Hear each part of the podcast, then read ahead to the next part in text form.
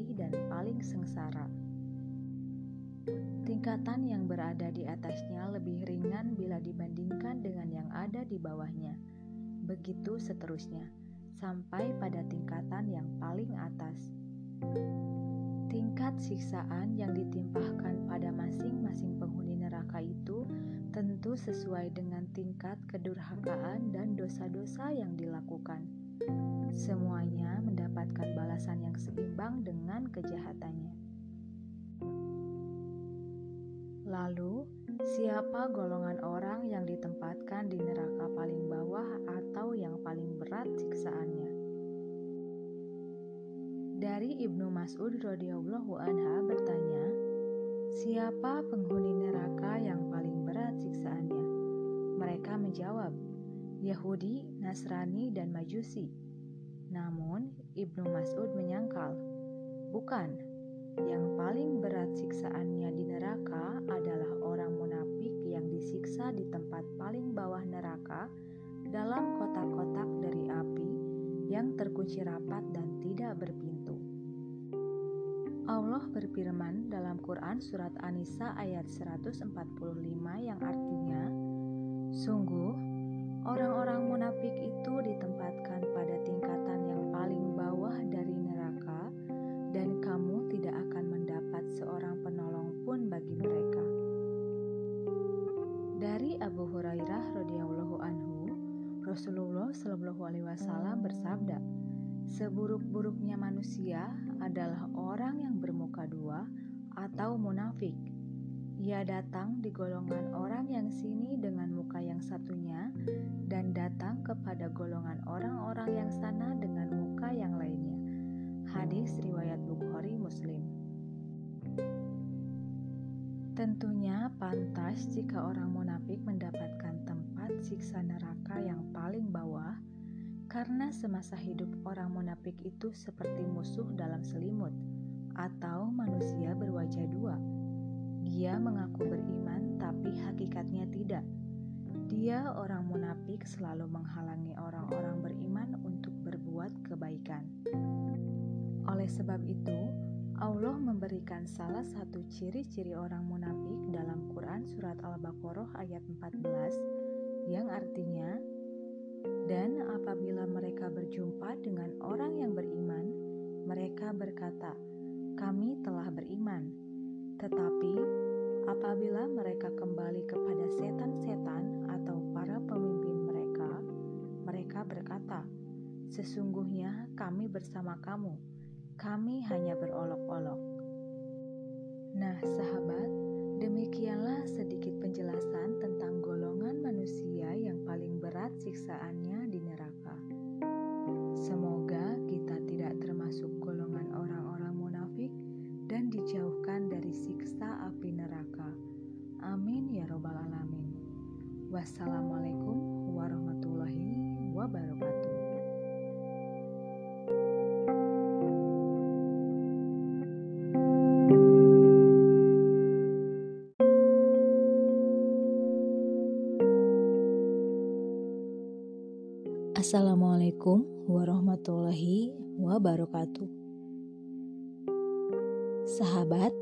ini kisah tentang tiga orang yang sedang menanti sidang dengan kepercayaan diri yang sangat besar. ketiganya yakin betul akan diputuskan menjadi penghuni surga. Namun, pengadilan Allah jauh berbeda dengan pengadilan manusia. Allah Maha Tahu segalanya. Allah pun memiliki sifat Maha Adil yang memutuskan setiap perkara tanpa zolim. Tiga orang yang merasa menjadi calon penghuni surga ini pun tergelak. Mereka yang terdiri dari orang-orang soleh justru berakhir di neraka. Mereka diseret dengan kasar ke dalam api yang membara. Apa gerangan yang terjadi? Rupanya, mereka hanyalah soleh di pandangan manusia, namun tak mentauhidkan Allah dalam niat amal mereka. Orang pertama dipanggil menghadap Allah. Ia merupakan seorang pria yang mati syahid. Si pria mengakui banyaknya nikmat yang diberikan Allah kepadanya. Allah pun bertanya, "Apa yang telah kau perbuat dengan berbagai nikmat itu?" Mujahid itu menjawab, saya telah berperang karenamu sehingga saya mati syahid, ujarnya. Allah Ta'ala pun menyangkalnya. Kau telah berdusta. Kau berperang agar namamu disebut manusia sebagai orang yang pemberani. Dan ternyata kamu telah disebut-sebut demikian. Firmannya. Mujahid ria itu pun diseret wajahnya dan dilempar ke neraka jahanam. Orang kedua pun dipanggil. Ia merupakan seorang alim ulama yang mengajarkan Al-Quran pada manusia. Seperti orang yang pertama, Allah bertanya hal yang sama. Apa yang telah engkau perbuat dengan berbagai nikmat itu? Sang ulama menjawab, "Saya telah membaca, mempelajari, dan mengajarkan Al-Quran karena engkau," ujarnya. Namun, Allah berfirman, "Kamu berdusta. Kau mempelajari ilmu agar disebut sebagai seorang alim, dan kau membaca Al-Quran agar kamu disebut sebagai seorang kori." Allah mengadili. Sang alim ulama pun menyusul si mujahid masuk ke dalam neraka. Orang ketiga pun dipanggil. Kali ini ia merupakan seorang yang sangat dermawan Sang dermawan dianugerahi Allah harta yang melimpah. Allah pun menanyakan tanggung jawabnya atas nikmat itu. Apa yang telah engkau perbuat dengan berbagai nikmatku? Firmannya. Sang dermawan menjawab, saya tidak pernah meninggalkan sedekah dan infak di jalan yang engkau cintai, melainkan pasti aku melakukannya semata-mata karena engkau, jawabnya. Dia pun tak jauh beda dengan dua orang sebelumnya. Kau berdusta, firman Allah. Kau melakukannya karena ingin disebut sebagai seorang dermawan, dan begitulah yang dikatakan orang-orang tentang dirimu. Firmannya. Sang dermawan yang ria ini pun diseret dan dilempar ke neraka, bergabung dengan dua temannya yang juga menyimpan sifat ria di hatinya. Di mata manusia, ketiganya merupakan seorang yang taat beribadah dan diyakini akan menjadi penduduk surga. Namun, hanya Allah yang mengetahui segala isi hati hambanya. Ketiganya tak pernah mengikhlaskan amalan untuk Allah, melainkan agar diakui manusia. Mereka pun berakhir di neraka dan menjadi penghuni pertama neraka. Kisah pengadilan akhirat tersebut terdapat dalam hadis Rasulullah dari Abu Hurairah. Hadis tersebut diriwayatkan oleh Imam Muslim, Anasyai, Imam Ahmad, dan Baihaqi. Kisah yang sama dalam teks hadis yang berbeda juga diriwayatkan oleh Imam At-Tirmizi, Ibnu Hibban, dan Al-Hakim. Di akhir hadis, Abu Hurairah bahkan membaca firman Allah yang menjadi hikmah pembelajaran atas kisah tersebut. Barang siapa yang menghendaki kehidupan dunia dan perhiasannya, niscaya kami berikan kepada mereka balasan pekerjaan mereka di dunia dengan sempurna, dan mereka di dunia itu tidak akan dirugikan. Itulah orang-orang yang tidak memperoleh di akhirat, kecuali neraka, dan lenyaplah di akhirat itu apa yang telah mereka usahakan di dunia, dan sia-sialah apa yang telah mereka kerjakan. Quran Surat Hud ayat 15 dan 16 Semoga kita semua dapat memetik hikmah baik dari kisah ini. Amin ya Robbal 'Alamin. Wassalamualaikum warahmatullahi wabarakatuh.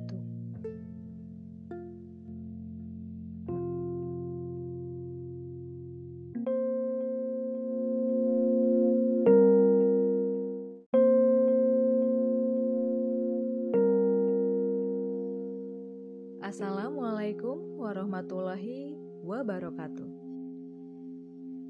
Firaun dan Namrud adalah dua raja yang sangat durhaka kepada Allah. Mereka tidak mengakui adanya Allah dan mereka malah mendeklarasikan diri sebagai Tuhan. Oleh sebab itu, mereka dibinasakan oleh Allah. Firaun dan tentaranya ditenggelamkan di Laut Merah ketika mengejar Nabi Musa. Dan Raja Namrud yang perkasa mati hanya karena seekor nyamuk. Dua orang tersebut adalah perumpamaan agar kita sebagai muslim jangan memiliki sifat-sifat seperti Firaun dan Namrud. Tapi banyak yang tidak menyadari kalau ada perbuatan tertentu yang dosanya bisa membuat kita jadi setara dengan Firaun dan Namrud. Apakah kita sebagai Muslim mau disamakan dengan Namrud dan Firaun? Lalu, apa sajakah dosa-dosa tersebut? Yang pertama, merendahkan orang lain. Merendahkan orang lain merupakan salah satu perbuatan sombong. Merasa yang paling benar menolak kebenaran, dan merendahkan harga diri orang lain merupakan dosa yang sangat besar, meski banyak yang tidak menyadarinya. Firaun dan Namrud memiliki sifat yang sangat sombong. Mereka tidak suka mengindahkan nasihat dari orang lain dan tidak mau menerima kebenaran. Mereka selalu mengeluarkan perkataan yang dapat menyakiti perasaan orang lain. Yang kedua, menjadi hakim. Kadang kita suka menjelek-jelekan perbuatan orang yang suka melakukan maksiat. Secara halus, kita suka berbicara dalam hati, orang itu kalau nanti mati pasti masuk neraka. Atau orang itu kalau tobat pasti tidak akan diampuni dosa-dosanya. Apalagi jika diungkapkan langsung kepada orangnya betapa besarnya dosa dari perbuatan seperti itu. Ingatlah bahwa hanya Allah yang berhak menentukan celaka atau tidaknya seseorang. Yang menentukan apakah orang itu masuk surga atau neraka, tidak ada satu makhluk pun yang berhak menjadi hakim selain Allah. Orang yang awalnya suka melakukan maksiat belum tentu matinya dalam keadaan celaka Siapa tahu di sisa hidupnya ia gunakan untuk bertobat dan beribadah, dan kemudian dia jadi ahli syurga. Dan sangat banyak pula orang yang dulunya beriman, tapi di akhir hidupnya celaka karena kelalaiannya dalam beribadah dan menyimpan sifat sombong dalam hatinya. Jika kita suka memberikan penilaian buruk pada orang lain, Meskipun orang tersebut suka melakukan perbuatan dosa, secara tidak sadar kita sudah menjadi hakim dan merenggut hak Allah. Secara tidak sadar pula, kita mau menyaingi Allah. Bukankah Fir'aun dan Namrud adalah dua orang yang mengaku setara dengan Allah? Yang ketiga, membangkang perintah Allah. Tidak melaksanakan segala bentuk perintah Allah, baik yang wajib atau sunnah yang tercantum dalam Al-Quran dan hadis, ini merupakan perbuatan dosa yang sangat besar. Jika sepanjang hidup kita banyak melalaikan perintah Allah dan kemudian kita mati, secara hakiki kita mati dalam keadaan tidak membawa Islam. Kita mati seperti Namrud dan Firaun. Sebab Sepanjang hidupnya, Firaun dan Namrud tidak melaksanakan perintah Allah dan bahkan membangkangnya. Sahabat, itulah tiga contoh perbuatan yang dosanya bisa membuat kita setara dengan Firaun dan Namrud. Masih banyak perbuatan lainnya yang mencerminkan sifat Firaun dan Namrud. Jika kita suka melakukannya, secara tidak sadar kita sudah setara dengan mereka berdua. Karena kita sebagai manusia yang tak luput dari kesalahan, jangan lupa selalu meminta ampunan kepada Allah setiap waktu, dan juga jangan lupa untuk selalu berdoa. Perbaikilah akhlak kita dan perbanyaklah mengkoreksi kesalahan diri kita sendiri. Semoga kita selalu termasuk hambanya yang selalu beriman. Amin ya Robbal 'Alamin. Wassalamualaikum warahmatullahi wabarakatuh.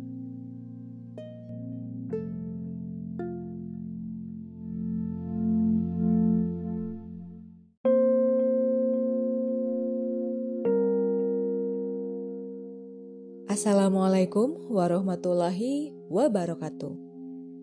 Pada hari perhitungan amal, pada hari kiamat kelak, hal yang pertama kali bakal dihisab merupakan sholat. Hal ini menunjukkan betapa pentingnya ibadah yang satu ini. Di dalam Al-Quran, perintah yang paling tidak jarang Allah katakan merupakan perintah tentang sholat. Ada tidak sedikit ayat yang memerintahkan kita untuk rutin mendirikan sholat.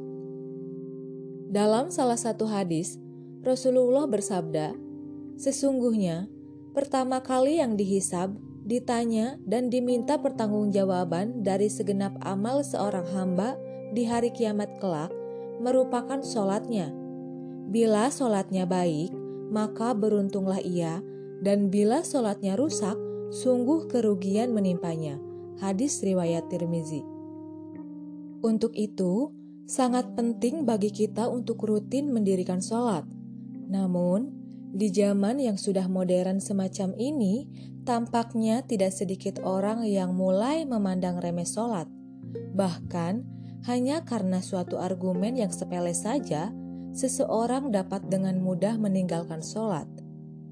Bahkan, kini tidak sedikit orang yang menganggap bahwa sholat itu hanya sebagai rutinitas ibadah semata.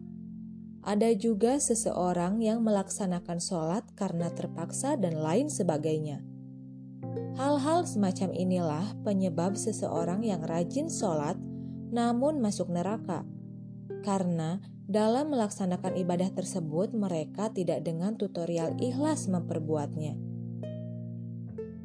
Nah, ahwat, berikut ini ada beberapa golongan orang yang rajin sholat namun masuk neraka. Yang pertama, sholat namun suka berdusta. Berdusta merupakan salah satu dosa besar dan diancam siksa yang pedih di akhirat kelak.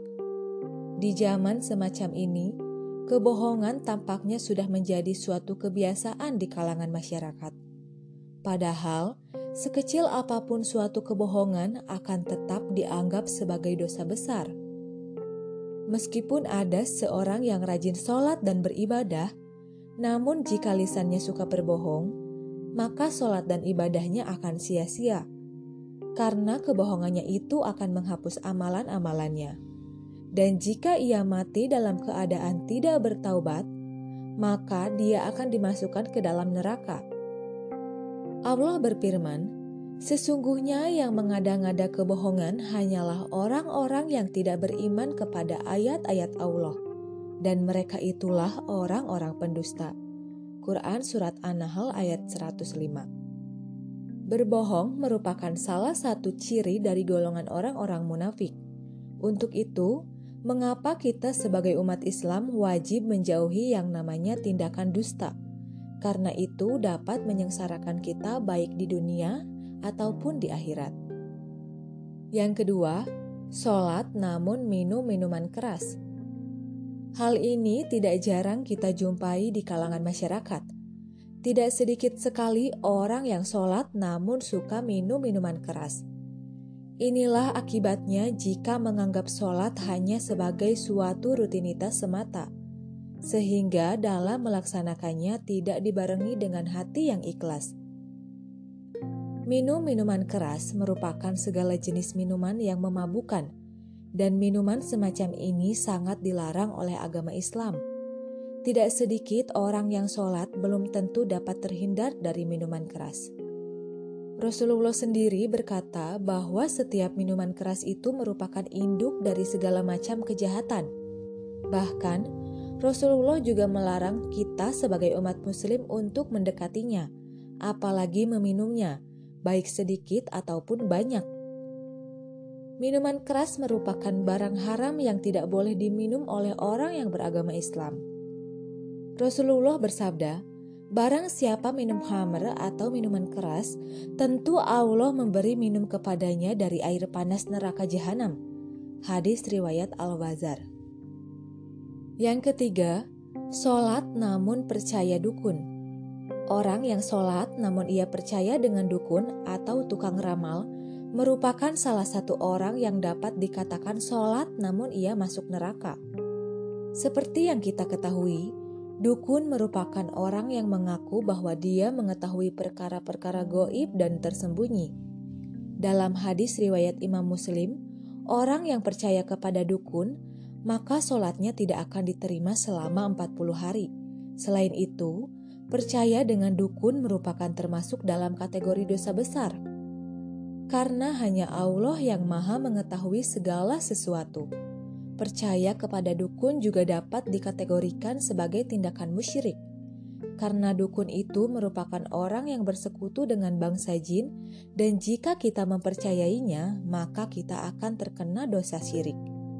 Untuk itu, jika ada orang sholat namun mempercayai dukun, benda pusaka, dan sejenisnya, maka ia akan terancam dosa yang sangat besar.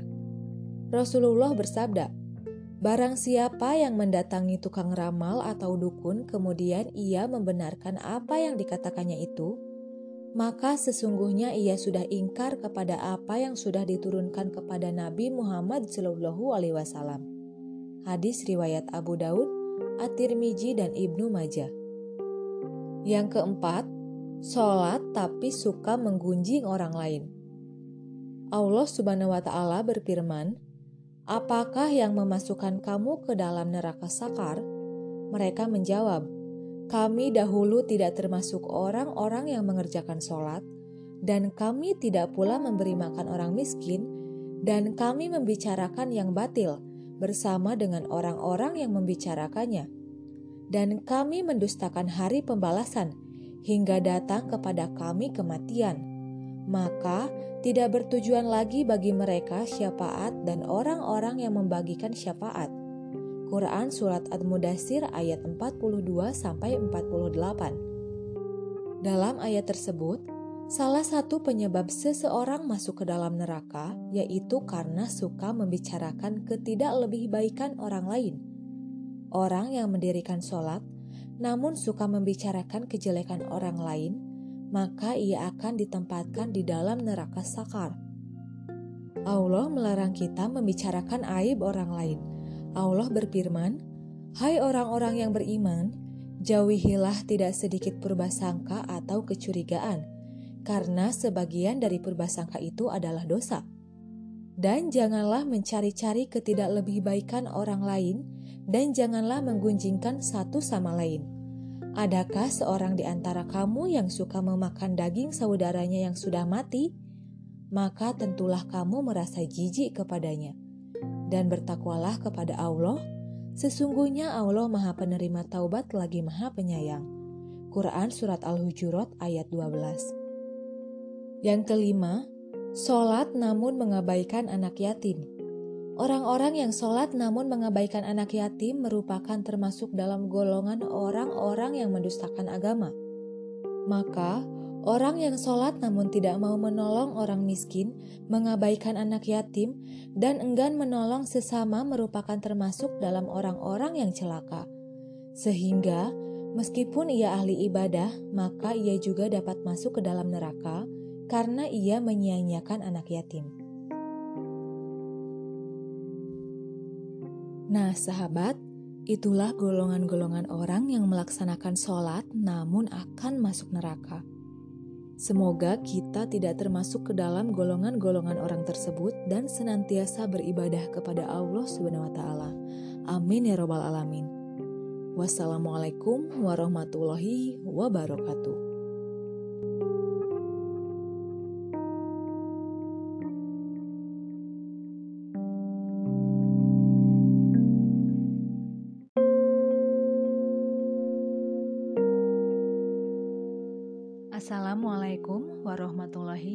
Wabarakatuh. Ini adalah kisah tragis Kiai Barseso, seorang ahli ibadah yang tergoda oleh tipu daya setan. Kisah Barseso ini cukup terkenal di kalangan umat Muslim Indonesia, khususnya kalangan pesantren. Diceritakan semula ia adalah seorang alim ia ahli ibadah yang tidak pernah meninggalkan perintah Allah. Suatu ketika setan tertarik untuk menggodanya, berupaya untuk menjerumuskan Barseso ke dalam kesesatan. Setan pun dengan segala tipu daya berusaha menggoda Barseso. Berikut ringkasan kisahnya dipetik dari kitab Mashaibul Insan min Makaid Syaiton karya Syekh Al-Maqdisi Al-Hanafi. Ibnu Abbas radhiyallahu anhu menceritakan ada seorang ahli zuhud bernama Barseso. Dia beribadah di dalam kuil atau tempat ibadah selama 70 tahun dan ia tidak pernah bermaksiat sedikit pun. Mengetahui hal itu, iblis ingin menggodanya dengan ilmu rekayasa atau ilmu hilah Suatu waktu, iblis mengumpulkan para pembesar setan dan berkata, "Adakah di antara kalian yang mampu merusak Barseso?" Setan putih berkata kepada iblis, "Saya sanggup merusaknya." Singkat cerita, setan putih pun berangkat ke tempat Barseso dengan mengenakan pakaian ulama. Dia juga mengenakan sesuatu di atas kepalanya. Dia datang ke kuil Barseso dan memanggilnya. Tetapi Barseso tidak menjawabnya. Barseso tidak berhenti dari ibadah kecuali setiap sepuluh hari sekali. Setelah berusaha namun tetap gagal mengambil perhatian Barseso, setan putih lantas berpura-pura sholat. Dia beribadah di dalam kuil Barseso. Setelah Barseso selesai sholat dan hendak keluar dari kuil, dia melihat setan putih yang berpakaian seperti ulama sedang sholat dan beribadah dengan khusyuk. Lalu Barseso bertanya kepadanya, "Kamu tadi memanggilku sementara aku sedang sibuk sholat. Apa yang kamu perlukan?" Setan menjawab, "Saya ingin bersamamu untuk belajar ilmu dan menirukan amalmu, serta kita bersama beribadah." sehingga aku bisa mendoakanmu dan kamu juga mendoakanku. Barseso berkata, "Saya tidak bisa bersamamu. Jika kamu seorang mukmin, maka kamu mendapatkan bagian dari doaku yang kutunjukkan bagi semua orang mukmin." Kemudian Barseso beranjak sholat dan meninggalkan setan itu. Maka setan beranjak sholat dan setelah itu Barseso tidak menoleh kepadanya selama 40 hari. Setelah selesai sholat, Barseso melihat setan sedang berdiri sholat. Barseso berkata kepadanya, "Apa yang kamu butuhkan?" "Saya ingin kamu memberi izin kepadaku untuk naik ke kuil bersamamu," jawab setan. Barseso memberikan izin kepada setan untuk menaiki kuil dan beribadah bersama di dalamnya. Mereka beribadah tanpa henti kecuali setelah 40 hari, bahkan terkadang sampai 80 hari. Melihat kesungguhan sosok ini dalam beribadah, Barseso merasa kagum. Setelah lama beribadah bersama, setan pun berkata, "Saya ingin pergi karena saya memiliki teman selain kamu. Saya mendapat berita kamu lebih baik daripadanya." Ternyata saya mendapatkan sesuatu yang tidak sesuai dengan perkiraan saya sebelumnya. Barseso merasakan sesuatu di dalam batinnya. Ia sebenarnya tidak mau berpisah dengan setan putih karena baginya ibadahnya setan putih ini lebih baik darinya. Singkat cerita, mereka pun berpisah. Barseso diajari doa-doa untuk menyembuhkan orang sakit dan gila. Kemudian setan putih itu mengganggu seorang gadis Bani Israel yang memiliki tiga saudara laki-laki. Dahulu, ayah mereka adalah seorang raja. Setelah raja meninggal, dia digantikan adik laki-lakinya yaitu paman gadis itu. Setan menyiksa dan mencekik gadis tersebut. Lalu setan datang kepada keluarganya dan mengabarkan tentang Barseso yang mampu mengobatinya setan menyarankan agar gadis itu tinggal bersama Barseso, seorang ahli ibadah. Pada awalnya, Barseso menolak permintaan agar gadis dititipkan kepadanya. Namun akhirnya ketiga saudaranya membuatkan kuil di dekat kuil Barseso. Gadis itu pun mereka tinggalkan di sana. Setelah selesai sholat, Barseso melihat ada gadis cantik berada di dekatnya. Lambat laun, Barseso mulai jatuh hati dan tergoda. Lalu setan merasuki gadis itu. Barseso berdoa dengan doa yang diajarkan setan kepadanya. Setan pun keluar dan pergi dari gadis itu. Kemudian Barseso mulai sholat lagi. Setan itu datang kembali dan merasuki sang gadis. Maka tanpa sengaja busana gadis itu terbuka dan setan berbisik kepada Barseso, Gaulilah gadis itu dan setelah itu kamu bisa bertobat. Setan pun berhasil. Barseso menggauli gadis tersebut hingga hamil. Kemudian setan berkata kepada Barseso, Celaka kamu Barseso, bila perbuatanmu itu terungkap, maukah kamu membunuhnya dan setelah itu kamu bisa bertobat?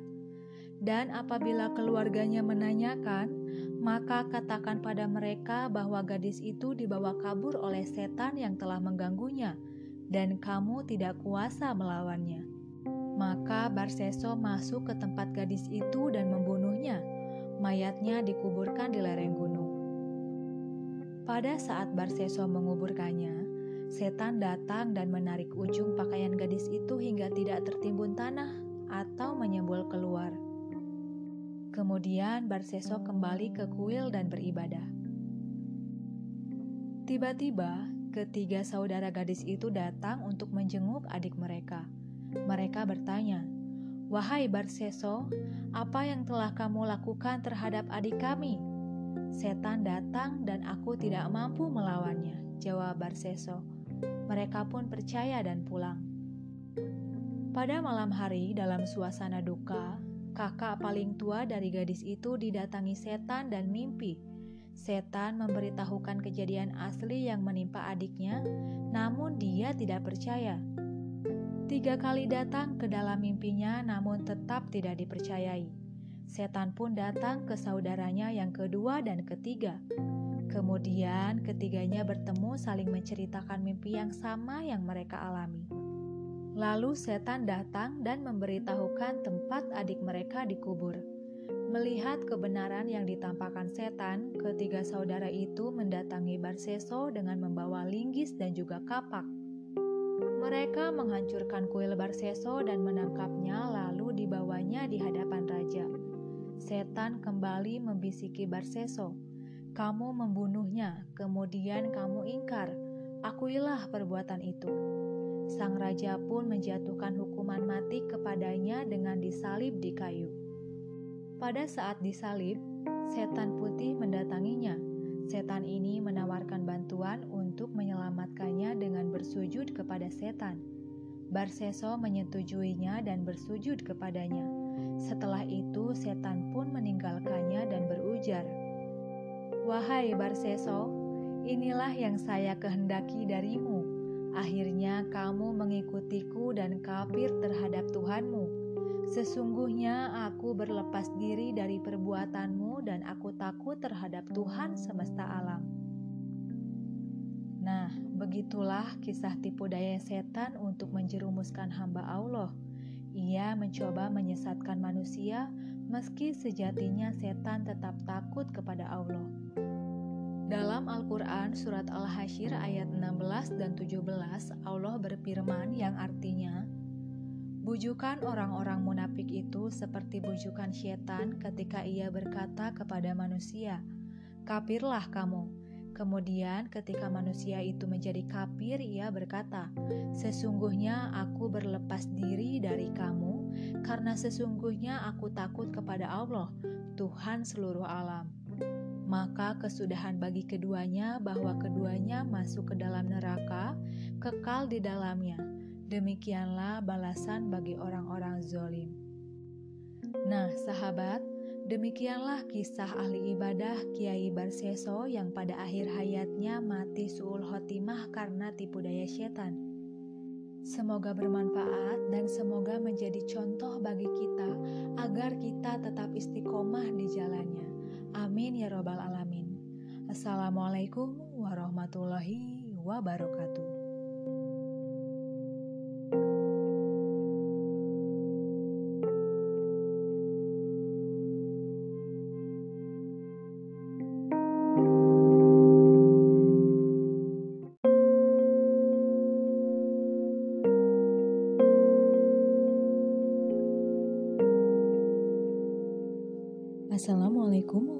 Warahmatullahi wabarakatuh. Pada suatu masa, ada seorang wanita yang taat beribadah. Sholatnya tak pernah absen, begitu juga dengan ibadah-ibadah lainnya. Bahkan, dia juga pernah berhaji dan juga berumroh. Sayangnya, dia tak pernah mau berjilbab, meskipun banyak orang yang sudah menasehatinya. Setiap kali orang menegurnya, dia menjawab, "Yang penting menjilbabkan hatinya," seperti alasan yang sering didengar dari kaum muslimah yang enggan berhijab lainnya. Hingga di suatu malam, wanita itu merasa berada di sebuah tempat yang aneh. Dia tengah berada di suatu tempat yang luar biasa indahnya. Pepohonan dan tumbuhan beraneka warna bertebaran di mana-mana. Aromanya luar biasa harum, anginnya luar biasa sejuk. Suara gemircik air terdengar seperti alunan musik yang luar biasa melenakan. Di tempat itu, wanita itu tak sendirian. Ada banyak wanita lain yang berkumpul di tempat itu. Bedanya, mereka berjilbab dan ia tidak. Sang wanita lalu menghampiri salah satunya yang duduk tidak jauh dari dirinya saat itu. Assalamualaikum warahmatullahi wabarakatuh. Waalaikumsalam warahmatullahi wabarakatuh. Jawab yang disapa. Di manakah aku ini? Ini adalah sebuah tempat di mana kami menunggu sebelum pintu itu terbuka. Jawab wanita berjilbab itu menunjukkan sebuah pintu raksasa yang luar biasa indah dan terbuat dari emas yang berkilau. Pintu apakah itu? Lanjut si wanita. Pintu surga, jawab wanita yang satunya. Kalau begitu, aku beruntung sekali. Tempat menunggunya saja sudah semewah ini, apalagi surganya dalam hati wanita itu. Kemudian terdengar suara dari tempat yang jauh. Intinya menyuruh para wanita yang berkumpul di tempat itu agar bergegas masuk ke pintu di sebelah sana.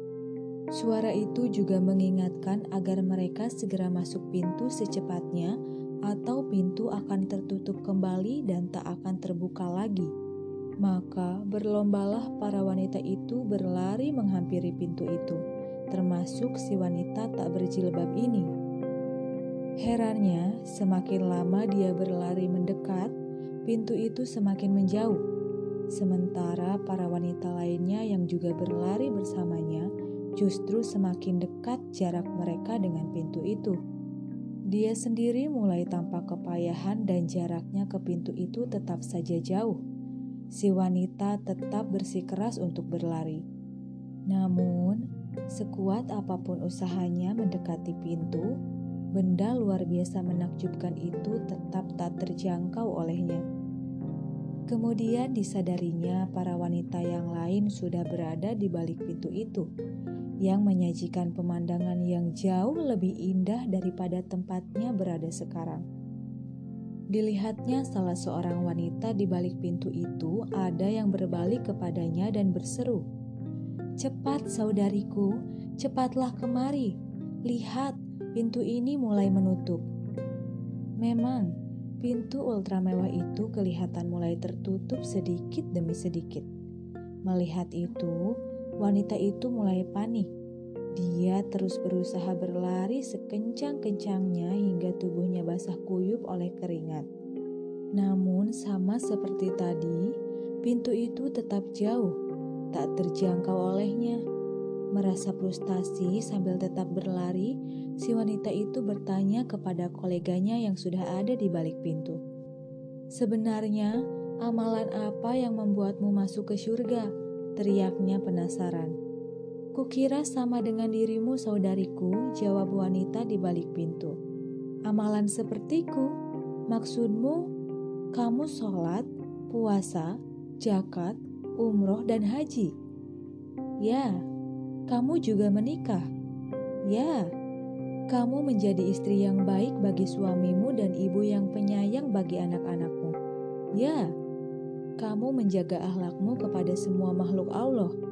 Ya, kamu juga bersabar dengan semua takdir Allah, baik itu takdir baik ataupun buruk. Ya, lalu kenapa aku tidak bisa masuk ke sana? Kenapa pintu itu selalu menjauh bagiku? sementara kamu mudah saja memasukinya. Pasti ada yang salah dengan amal ibadahmu, jawab wanita di balik pintu. Ingat-ingatlah kembali, ujarnya lagi. Si wanita langsung tertegun. Dia merasa terkejut dan segera berhenti. Benar juga, jangan-jangan ada amal ibadahku yang masih kurang. Lalu, mulailah ia mengevaluasi dirinya, sholatnya, puasanya, zakatnya, dan sebagainya. Kemudian dia periksa juga akhlaknya, pengabdiannya sebagai seorang ibu dan istri, penerimaannya terhadap takdir Allah dan yang lainnya. Dia merasa buntu, semuanya telah dia kerjakan sebaik-baiknya sewaktu hidupnya dulu. Di saat dia kebingungan dengan apa yang salah dengan ibadahnya, dia tersengat mendengar suara dari wanita di balik pintu. Diucapkan dengan suara yang merdu, tapi terdengar seperti petir di telinga wanita itu. Kamu adalah wanita baik, ibadahmu rajin dan disiplin, ahlakmu bagus kepada siapa saja, kamu taat kepada suamimu, meski lelaki itu suka menzolimimu. Kamu juga ibu yang sabar, meskipun anak-anakmu durhaka kepadamu. Kamu terima ujian Allah dengan lapang dada, dengan suami yang suka main perempuan dan anak-anak yang berperangai kasar. Sayangnya, kamu tidak mau berjilbab. Banyak orang mengingatkanmu untuk memakainya, tapi kamu selalu berkilah. Lebih baik menjilbabkan hatimu daripada ragamu. Kamu lupa dengan ayat Quran yang berbunyi, Barang siapa yang mengingkari hukum-hukum syariat Islam sesudah beriman, maka hapuslah pahala amalnya, bahkan di akhirat dia termasuk orang-orang yang merugi. Quran Surat Al-Maidah ayat 5 Dan orang-orang yang mendustakan ayat-ayat kami juga mendustakan akhirat, hapuslah seluruh pahala amal kebaikan. Bukankah mereka tidak akan diberi balasan selain apa yang telah mereka kerjakan? Quran Surat Al-A'raf ayat 147 Mungkin kamu dan kaummu sesama muslimah yang tak berhijab lainnya menyangka jilbab itu persoalan kecil. Padahal itu adalah salah satu nyawamu di alam ini. Meremehkan hal itu sama saja meremehkan seluruh ayat-ayat Allah. Tidaklah mukmin dan mukminah sejati mereka yang selalu menganggap remeh dan memilah-milah ayat-ayatnya. Kamu sudah memilih takdirmu sendiri di dunia dahulu. Kami pun tak bisa membantumu.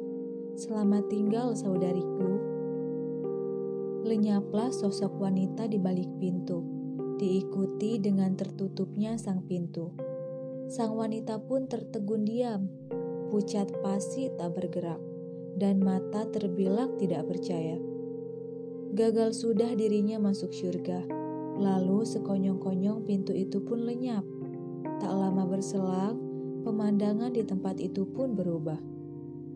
Udara yang tadinya luar biasa sejuk berubah menjadi luar biasa panas. Pepohonan dan tetumbuhan yang beraneka warna berubah menjadi semak belukar yang habis terbakar api. Aroma yang luar biasa harum berganti dengan aroma yang luar biasa menjijikan campuran anyirnya darah, nanah beku, dan bangkai makhluk hidup menjadi satu. Suara gemercik air, bak lagu yang melenakan berubah menjadi suara-suara luar biasa yang mengerikan untuk didengar. Terdengar jeritan-jeritan memekakan telinga dan suara tangisan-tangisan yang menyayat hati. Suara-suara itu terdengar datang dan pergi. Kemudian dia melihat suaminya yang sedang terikat di sebuah tiang yang terbuat dari api dan dicambuk berkali-kali. Salah satu dari anaknya juga terikat di tiang itu, sedang dipukuli dengan besi-besi yang bergerigi tajam, membuat tubuh anak yang malang itu babak belur. Saat ia hendak memanggil suami dan anaknya, tiba-tiba muncullah sosok berwajah luar biasa menyeramkan di hadapannya. Sosok itu sangat besar dan sangat tinggi, membawa rantai-rantai besi yang berlumuran darah dan bertaburkan asap tipis beraroma sangat busuk.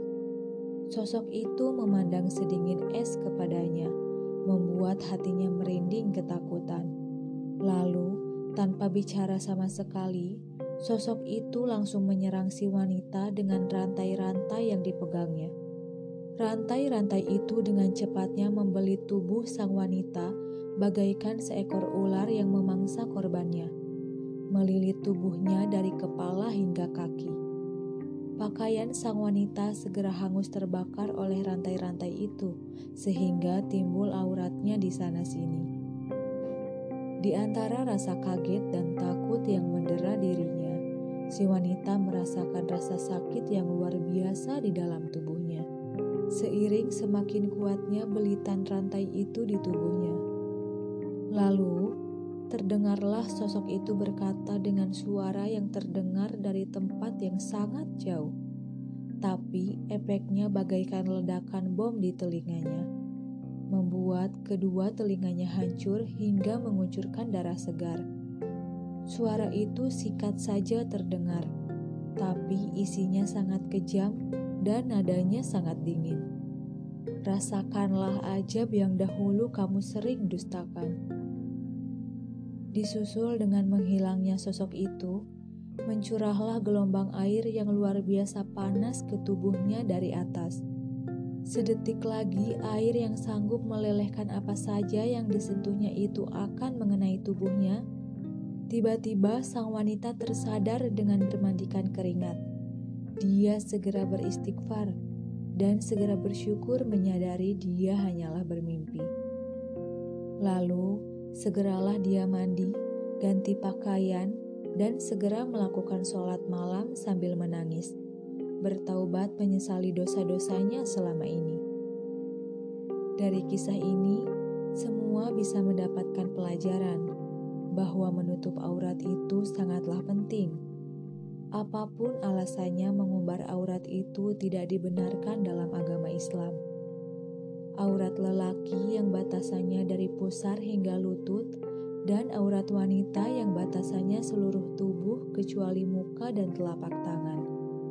Tidak ada yang akan sanggup menyelamatkan jika dihadapkan pada kondisi seperti yang dialami wanita malang tersebut. Dia beribadah dengan tekun taat kepada suaminya, ibu yang sabar bagi anak-anaknya, senantiasa menjaga ahlaknya, dan segudang sifat atau perbuatan baik lainnya. Ironisnya, dia enggan berjilbab. Ada baiknya kita semua memperhatikan hadis Rasulullah yang satu ini. Ada satu masa yang paling aku takuti, di mana umatku banyak yang mendirikan sholat, tetapi sebenarnya mereka bukan mendirikan sholat, dan neraka jahanamlah tempat kembali bagi mereka.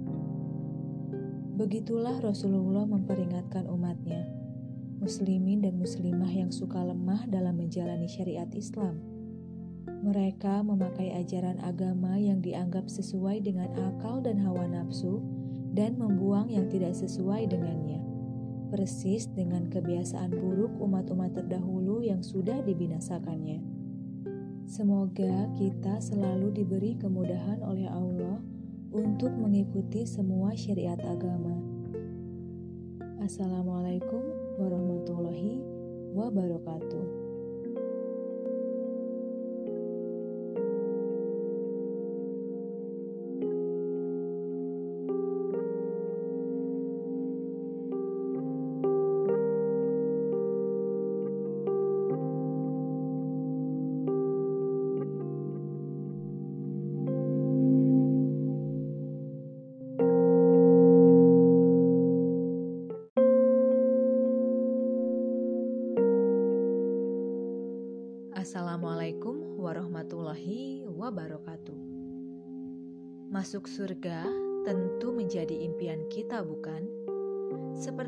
Sudah kita ketahui, bahwasanya surga merupakan tempat yang paling indah sepanjang masa. Tak ada yang bisa menandingi keindahannya, bahkan dunia pun tidak ada apa-apanya dibandingkan surga. Hanya saja, Masuk ke dalam surga itu tidak mudah. Kita harus berusaha dengan sungguh-sungguh untuk tetap selalu berada dalam jalan kebenaran. Al-Quran dan Sunnah adalah penuntun jalan kita. Tahukah kalian, ternyata ada orang yang sudah berada di dalam jalan kebenaran, tetapi malah jadi calon penghuni neraka? Seperti halnya yang dirasakan oleh beberapa orang tua di mana mereka yang harusnya masuk surga malah tidak jadi karena anaknya. Kira-kira apa penyebabnya? Orang tua yang soleh yang telah diponis akan masuk ke dalam surga bisa saja batal memasukinya dan justru terjerumus ke dalam neraka, yaitu orang tua yang melihat anaknya berbuat maksiat, namun ia tidak melarang perbuatan tersebut.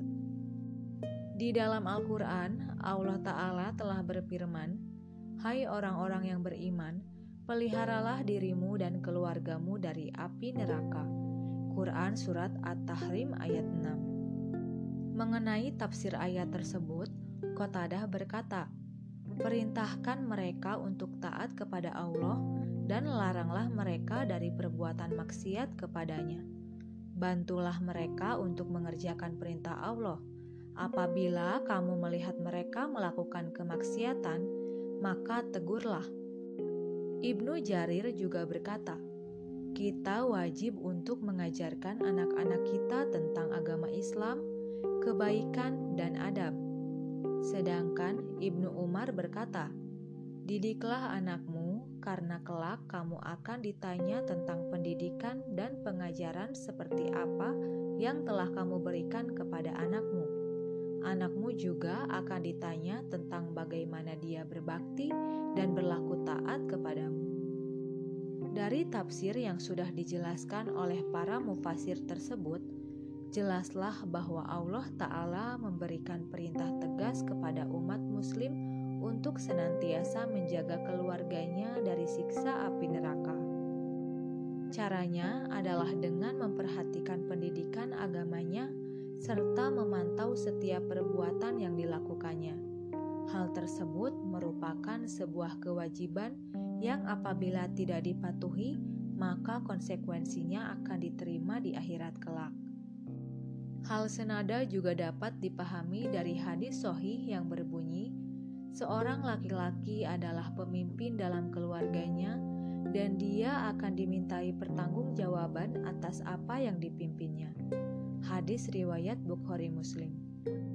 Dari hadis tersebut mengisyaratkan bahwa apabila ada orang tua yang mendidik anaknya dengan tidak baik, maka ia akan dimintai pertanggungjawaban atas perbuatan yang dilakukannya di dunia tersebut saat hari kiamat kelak. Sahabat, mungkin saat ini kita adalah seorang anak.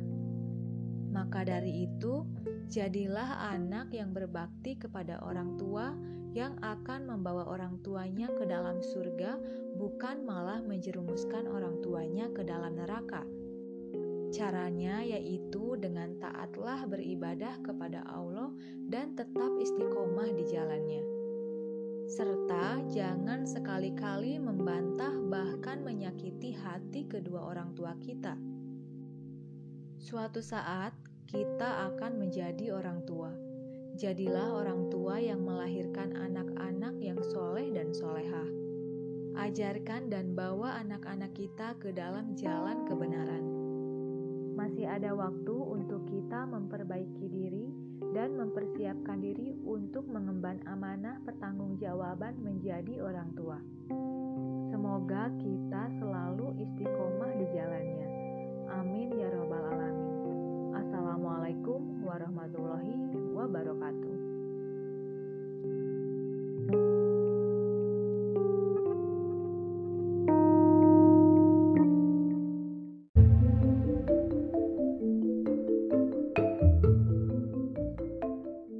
Assalamualaikum warahmatullahi wabarakatuh.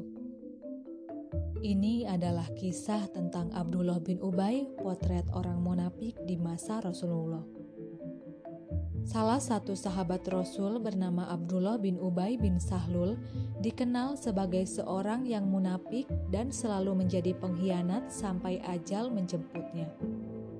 Penyebab Abdullah bin Ubay bermental munafik disebabkan terlalu tinggi berharap kepada kekuasaan raja di Yasrib atau Madinah. Demi kekuasaan, Abdullah bin Ubay bin Sahlul rela melakukan apa pun walau harus menjual dirinya.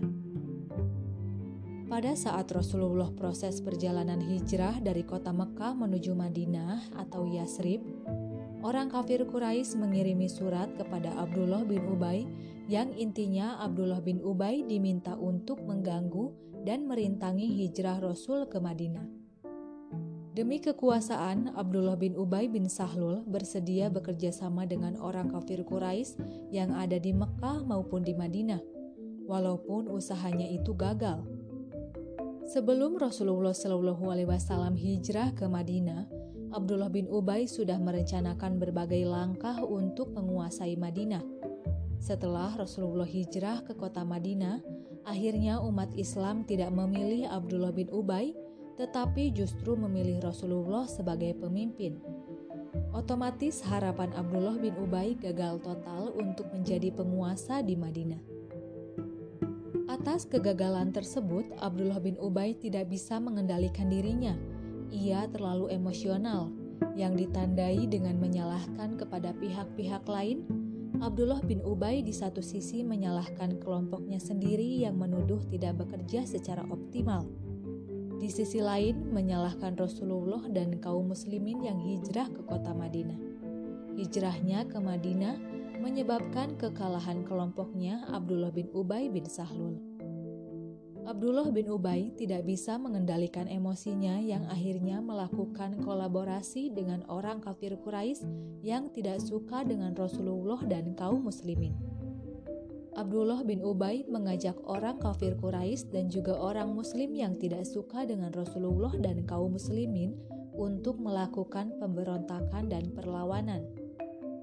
Perlawanan dilakukan dengan cara menjual atau menceritakan kebohongan kepada berbagai pihak. Ketika bertemu dengan orang kafir, Abdullah bin Ubay melakukan kebohongan dengan cara menjelek-jelekan atau memfitnah Rasulullah. Namun, pada saat bertemu Rasulullah dan kaum muslimin, Abdullah bin Ubay juga berbohong dengan cara menceritakan kejelekan orang-orang kafir dengan kata lain, saat bertemu dengan orang kafir, Abdullah bin Ubay mengaku sebagai bagian dari orang kafir dan menjelek-jelekan kaum muslimin dan Rasulullah. Namun, pada saat bertemu kaum muslimin dan Rasulullah, ia mengaku bagian dari kaum muslimin dan siap melawan kaum kafir Quraisy. Suatu ketika Abdullah bin Ubay menyampaikan kabar kepada kaum muslimin bahwa kaum kafir Quraisy mengolok-olok dan menjelek-jelekan dakwah Rasulullah dan kaum muslimin hampir menyulut amarah kelompok muslim untuk melakukan perang kepada kafir Quraisy. Di tengah amarah kaum muslimin yang akan menyerang orang kafir, Abdurrahman bin Auf bertemu dengan orang kafir Quraisy kemudian melakukan tabayun. Ternyata, kabar yang disampaikan Abdullah bin Ubay adalah kabar bohong belaka Akhirnya, baik dari kaum muslimin dan kafir Quraisy melakukan pengadilan dan menuntut pertanggungjawaban atas apa yang dikatakan Abdullah bin Ubay. Dalam forum pengadilan, Abdullah bin Ubay menolak dan mengingkari semua apa yang telah dituduhkan. Abdullah bin Ubay mengatakan tidak pernah memberi informasi seperti yang dituduhkan padanya. Di luar dugaan, ia telah menyiapkan atau mengkondisikan dua orang saksi untuk membenarkan apa yang ia katakan. Akhirnya, Abdullah bin Ubay selamat dari eksekusi hukuman yang telah direncanakan. Mengetahui kemunafikan dan pengkhianatan Abdullah bin Ubay, Abdurrahman bin Auf ingin membunuh Abdullah bin Ubay karena dianggap pantas untuk dibunuh akibat kemunafikan dan kebohongannya karena sering menebarkan cerita bohong kepada masyarakat. Rasulullah pun telah merestuinya untuk membunuh Abdullah bin Ubay. Mendengar cerita tersebut, anak Abdullah bin Ubay yang bernama Abdullah bin Abdullah memohon ampunan kepada Rasulullah Shallallahu Alaihi Wasallam. Wahai Rasulullah, benarkah engkau memberi izin kepada Abdurrahman bin Auf untuk membunuh bapakku? Aku adalah anak yang taat dan hormat kepada orang tuaku. Mohon jangan hidupkan api dendam di dalam diriku, karena aku pasti akan balas dendam kepada siapa pun yang membunuh bapakku. Kalau Rasulullah mengizinkan, berilah izin kepadaku untuk membunuh bapakku sendiri, karena walaupun aku mencintai bapakku, tapi aku lebih mencintai Allah dan utusannya. Jika Rasul memberi izin kepadaku, insya Allah aku siap untuk membunuh bapakku yang dianggap sebagai orang munafik dan pengkhianat. Kemudian Rasulullah menjawab, "Kalau begitu, aku tidak jadi memberi izin untuk membunuh bapakmu." Singkat cerita, tibalah Abdullah bin Ubay kepada penghujung umurnya. Akhirnya ia meninggal. Pada saat Abdullah bin Ubay meninggal, Rasulullah juga berkeberatan untuk mensolatinya. Lagi-lagi, atas permintaan putranya bernama Abdullah bin Abdullah, akhirnya Rasulullah bersedia untuk mensolati jenazah Abdullah bin Ubay bin Sahlul. Sahabat, itulah potret orang munafik di masa Rasulullah. Abdullah bin Ubay bin Sahlul, seorang sahabat yang munafik dan melakukan pengkhianatan kepada Rasulullah dan kaum muslimin. Abdullah bin Ubay dengan kemunafikannya ketika berada di dalam golongan kafir Quraisy, ia menjelek-jelekan Rasulullah dan kaum muslimin dan ia mengaku sebagai bagian dari kafir Quraisy. Sebaliknya, ketika ia berhadapan dengan Rasulullah dan kaum muslimin, ia mengaku siap untuk memerangi kafir Quraisy. Mentalitas pembohong dan pengkhianat akan menimpa siapa saja. Sahabat Rasul saja bisa mengidap penyakit munafik dan pengkhianat, apalagi manusia biasa. Abdullah bin Ubay walaupun menjadi sahabat Rasul, akibat terlalu berharap memiliki jabatan, akhirnya ia rela melakukan pengkhianatan dengan cara bekerja sama dengan orang kafir Quraisy. Kebiasaannya memutarbalikan fakta selalu menjadi senjata untuk menjatuhkan lawan-lawannya. Sahabat, semoga kita semua tidak termasuk ke dalam golongan orang-orang munafik di hadapan Allah Subhanahu wa taala. Di mana orang munafik ini sudah pasti di kehidupan kedua akan mendapatkan balasan atas apa yang telah ia kerjakan. Bukan syurga, namun neraka adalah tempatnya. Siksa yang pedih yang tanpa ampun akan didapatkan oleh orang-orang munafik di kehidupan kedua nanti. Semoga kita semua selalu istiqomah di jalan yang lurus Amin ya Robbal 'Alamin. Assalamualaikum warahmatullahi wabarakatuh.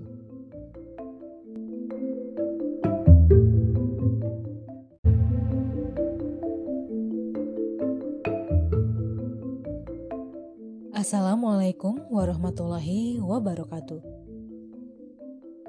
Bagi orang beriman, kehidupan dunia hanyalah satu episode dari perjalanan hidup yang panjang bukan akhir dari kehidupan dan segalanya, namun di balik itu masih terdapat alam kubur dan akhirat.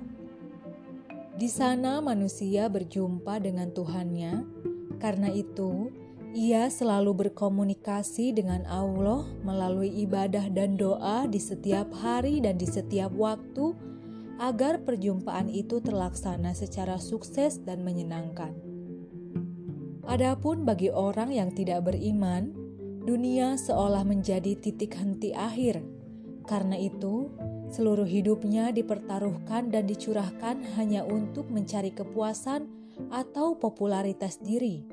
Inilah yang Allah gambarkan dalam Al-Quran, yang artinya orang-orang yang tidak mengharapkan adanya perjumpaan dengan Kami, lalu merasa puas dengan kehidupan dunia merasa tentram dengannya, serta orang-orang yang melalaikan ayat-ayat kami, tempat mereka adalah neraka, sesuai dengan apa yang mereka lakukan.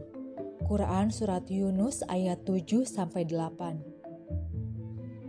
Menurut Wahbah Juhaili dalam tafsir Al-Munir, ayat di atas memberikan gambaran tentang empat karakter calon penghuni neraka. Pertama, tidak meyakini adanya pertemuan dengan Allah, mereka tidak takut kepada hukumannya, peringatannya, ancamannya, serta sama sekali tidak mengharapkan pahala darinya. Kedua, puas dengan kehidupan dunia. Ini adalah akibat logis dari sikap pertama. Ketika seseorang tidak percaya akan berjumpa dengan Allah, dia tidak akan menyiapkan apa-apa untuk pertemuannya nanti dengan Allah. Seluruh capaiannya hanya berorientasi kepada dunia yang pendek. Ukuran kelapangan, kesenangan, dan kegembiraan bertumpu pada dunia dan keduniaan semata.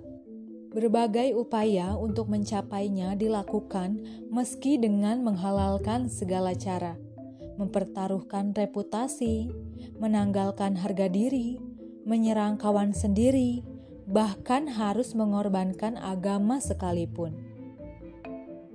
Kemudian, yang ketiga yaitu merasa tentram dan nyaman dengan dunia.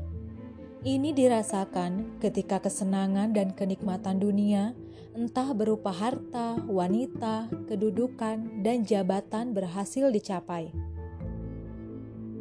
yang keempat, lalai terhadap ayat-ayatnya, yakni merasa aman dari siksa dan ancaman Allah di dunia ataupun di akhirat.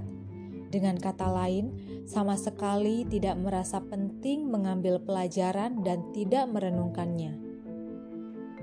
Itulah gambaran tentang empat karakter calon penghuni neraka menurut Wahbah Juhaili dalam tafsir Al-Munir berpedoman pada Quran Surat Yunus ayat 7 8.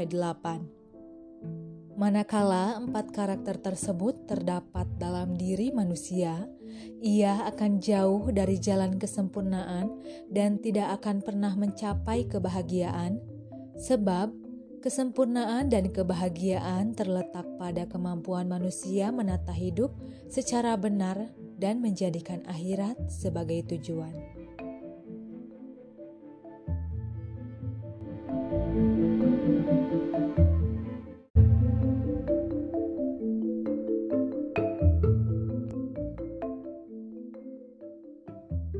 Ini adalah kisah nyata yang dikisahkan oleh seorang wanita pemandi jenazah di Riyadh bernama Ummu Ahmad.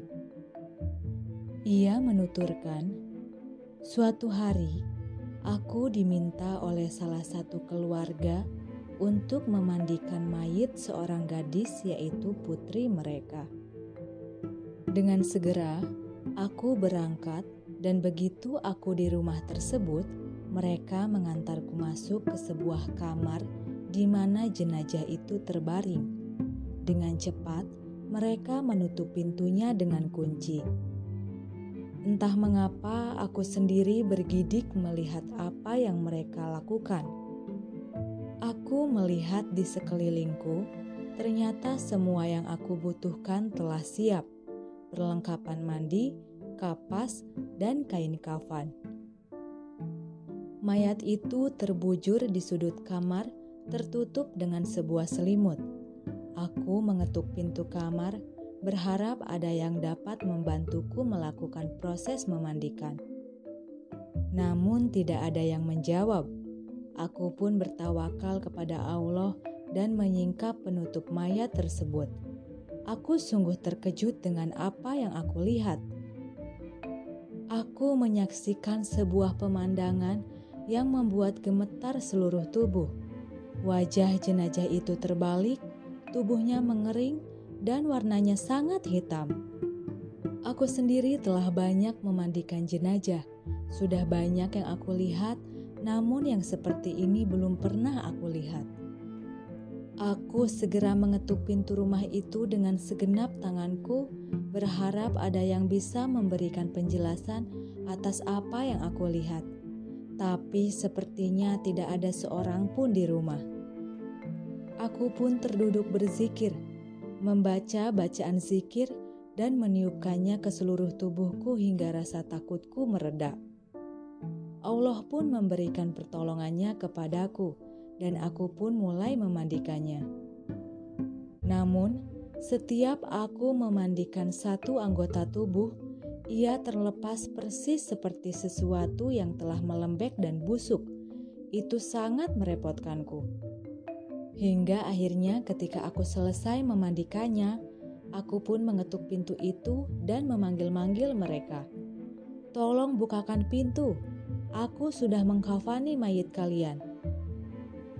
Aku dalam kondisi menunggu seperti itu cukup lama, hingga akhirnya ketika mereka membukakan pintu, aku segera bergegas meninggalkan rumah itu tanpa bertanya mengapa dan apa penyebab jenazah itu menjadi seperti itu. Setelah aku pulang ke rumahku, aku hanya bisa terbaring selama tiga hari akibat tindakan keluarga itu menguncikan pintu kamar tersebut dan akibat menyaksikan pemandangan yang mengerikan itu. Aku kemudian menghubungi salah seorang syekh dan menceritakan padanya apa yang telah terjadi. Maka beliau mengatakan, "Kembalilah menemui mereka dan tanyakan mengapa mereka menutup pintu itu dan apa yang terjadi pada putri mereka." Aku pun pergi menemui keluarga itu kembali. Kepada mereka, aku mengatakan, "Demi Allah, aku minta kalian menjawab dua pertanyaanku. Pertama, mengapa kalian menguncikan pintu kamar itu untukku? Dan kedua, apa yang terjadi pada anak gadis kalian itu sehingga kondisinya seperti itu?" Mereka menjawab, "Kami menutup pintu itu untuk Anda." karena sebelumnya kami telah memanggil tujuh orang untuk memandikannya. Namun, ketika mereka melihat kondisinya, mereka semua menolak untuk memandikannya. Adapun mengapa ia seperti itu, mungkin karena selama hidupnya ia tidak pernah mengerjakan sholat dan tidak pernah mau berzilbab. Lahula wala quwata illa seperti itu kondisinya, padahal ia belum dimasukkan ke dalam kuburnya. Lalu, bagaimana jika ia telah dimasukkan ke dalam kuburnya dan kelak saat ia berjumpa dengan Allah Azza wa Jalla? Nah, sahabat, Kisah ini mengajarkan kita untuk senantiasa memperbaiki sholat kita serta berjilbab. Jangan sampai kita menjadi orang-orang yang menyesal nantinya. nanti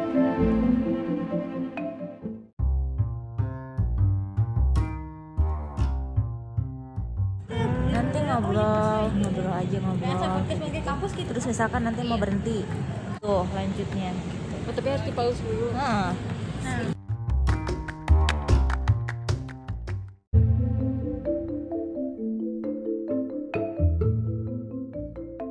Assalamualaikum warahmatullahi wabarakatuh. Pada zaman Firaun, setiap bayi laki-laki Bani Israel harus dibunuh. Mirip dengan kisah Musa, Samiri pun menjadi bayi laki-laki yang selamat. Bedanya, sang ibu meninggalkan bayi Samiri di dalam gua begitu saja, tak ada yang menyelamatkannya apalagi merawatnya. Atas kasih sayang Allah, diutuslah Jibril untuk merawat sang bayi. Sejak itu, Samiri mengenal Jibril. Setelah dewasa, Samiri terkenal sebagai seorang yang amat terasing dan enggan berbaur. Ia memiliki nama asli Mika atau Musa bin Zafar dan tinggal di Karman atau Bazarna. Satu-satunya yang menjadi teman Samiri adalah para musyrikin yang menyembah patung anak sapi. Dari pergaulannya yang salah tersebut, efek negatif pun melekat di hatinya. Ia juga mencintai dan mengagungkan anak sapi. Saat Musa diutus menjadi nabi, Bani Israel pun diselamatkan dari kekejaman Firaun. Samiri termasuk yang ikut serta dalam rombongan Musa. Pasca tenggelamnya Firaun, Musa menggiring Bani Israel meninggalkan Mesir. Saat menyeberangi Laut Merah menuju tanah yang dijanjikan, Jibril mendampingi Nabi Musa dan Harun. Jibril menunggangi kuda dan berada di depan rombongan. Samiri yang dulu pernah dirawat Jibril pun mengenalinya.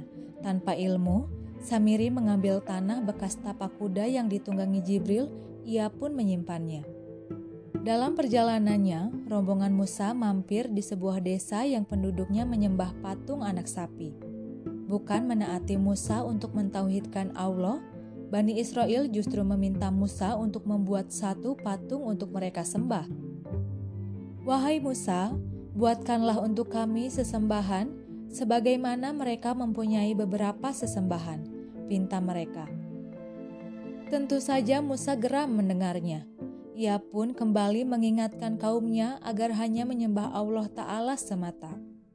Sejak singgah di desa tersebut, Kekaguman Samiri pada anak sapi kembali membutakan hatinya. Ia pun bertekad suatu hari akan mengajak Bani Israel untuk menyembah anak sapi. Ia pun teringat pada tanah jejak kuda Jibril yang ia simpan dalam kantong. Dengan bisikan setan, Samiri bertekad menjadikan tanah tersebut sebagai bahan pembuatan patung. Keinginan Samiri untuk menjalankan misinya mendapat kesempatan. Di tengah perjalanan, Musa meninggalkan Bani Israel untuk sementara waktu dengan tujuan mendapatkan wahyu Taurat dari Allah. Atas perintah Allah, Musa menuju Bukit Tur untuk menerima mukjizat Taurat. Musa berencana pergi selama 10 malam, tapi kemudian digenapkan selama 40 malam. Sebelum berangkat, Nabi Musa pun menitipkan Bani Israel pada adiknya yaitu Nabi Harun. Gantikanlah aku dalam memimpin kaumku, perbaikilah dan janganlah kamu mengikuti jalan orang-orang yang membuat kerusakan, ujar Musa. Harun pun kemudian memimpin Bani Israel. Namun, rupanya Samiri tak peduli dengan nasihat Harun. Ia pun mengajak Bani Israel untuk mengumpulkan segala perhiasan emas yang selama ini dibawa. Emas tersebut dikumpulkan untuk kemudian dilebur di atas api. Setelah emas meleleh, Samiri melemparkan tanah jejak kuda Jibril yang ia simpan selama perjalanan dari Mesir. Jadilah anak sapi, teriak Samiri girang tanpa merasa berdosa.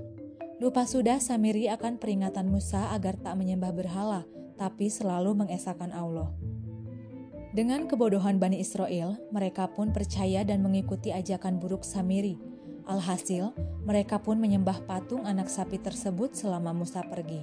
Sementara Harun tak sanggup melawan Bani Israel sendirian. Saat Musa kembali, betapa marah dan sedih hatinya. Ia hanya meninggalkan kaumnya sebentar saja untuk mendapat petunjuk yang juga nantinya bermanfaat bagi Bani Israel, tapi Musa justru mendapati kaumnya telah musyrik. Namun, Bani Israel punya banyak alasan. Mereka selalu merasa congak dan merasa paling benar. Kami sekali-kali tidak melanggar perjanjianmu dengan kemauan kami sendiri, tetapi kami disuruh membawa beban-beban dari perhiasan kaum itu, Mesir, maka kami telah melemparkannya, dan demikian pula Samiri melemparkannya, ujar mereka. Mendengar hal itu, Musa pun bersegera menemui Samiri. Ia sangat marah kepada Samiri yang mengkhianati perintahnya dan justru menyesatkan kaumnya. Apa yang mendorongmu berbuat demikian, hai Samiri? Tanya Musa bernada tinggi. Dengan enteng Samiri hanya menjawab, Aku mengetahui sesuatu yang mereka tidak mengetahuinya. Maka aku ambil segenggam dari jejak Rasul, lalu aku melemparkannya. Demikianlah nafsuku membujukku, katanya.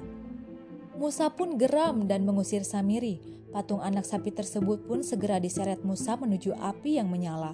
Tinggallah Tuhan buatan Samiri itu berupa abu, Musa pun kemudian melemparkan abu itu ke laut. Sementara itu, Samiri meninggalkan rombongan. Ia kembali hidup menyendiri. Seperti yang dikatakan Musa, Samiri akan mendapatkan azab dunia dan akhirat. Neraka jelas hukuman Samiri di akhirat, adapun di dunia, Samiri menderita penyakit yang aneh. Kulitnya tak dapat disentuh oleh siapa pun. Jika seseorang menyentuh kulitnya, Samiri merasa panas membakar kulitnya. Akibatnya, seumur hidup dia selalu berkata kepada orang lain, "Jangan menyentuh saya." Itulah hukuman bagi Samiri sang pelaku kesyirikan. Kisah Samiri terdapat dalam Al-Qur'an surat Taha ayat 85 sampai 91 dan ayat 95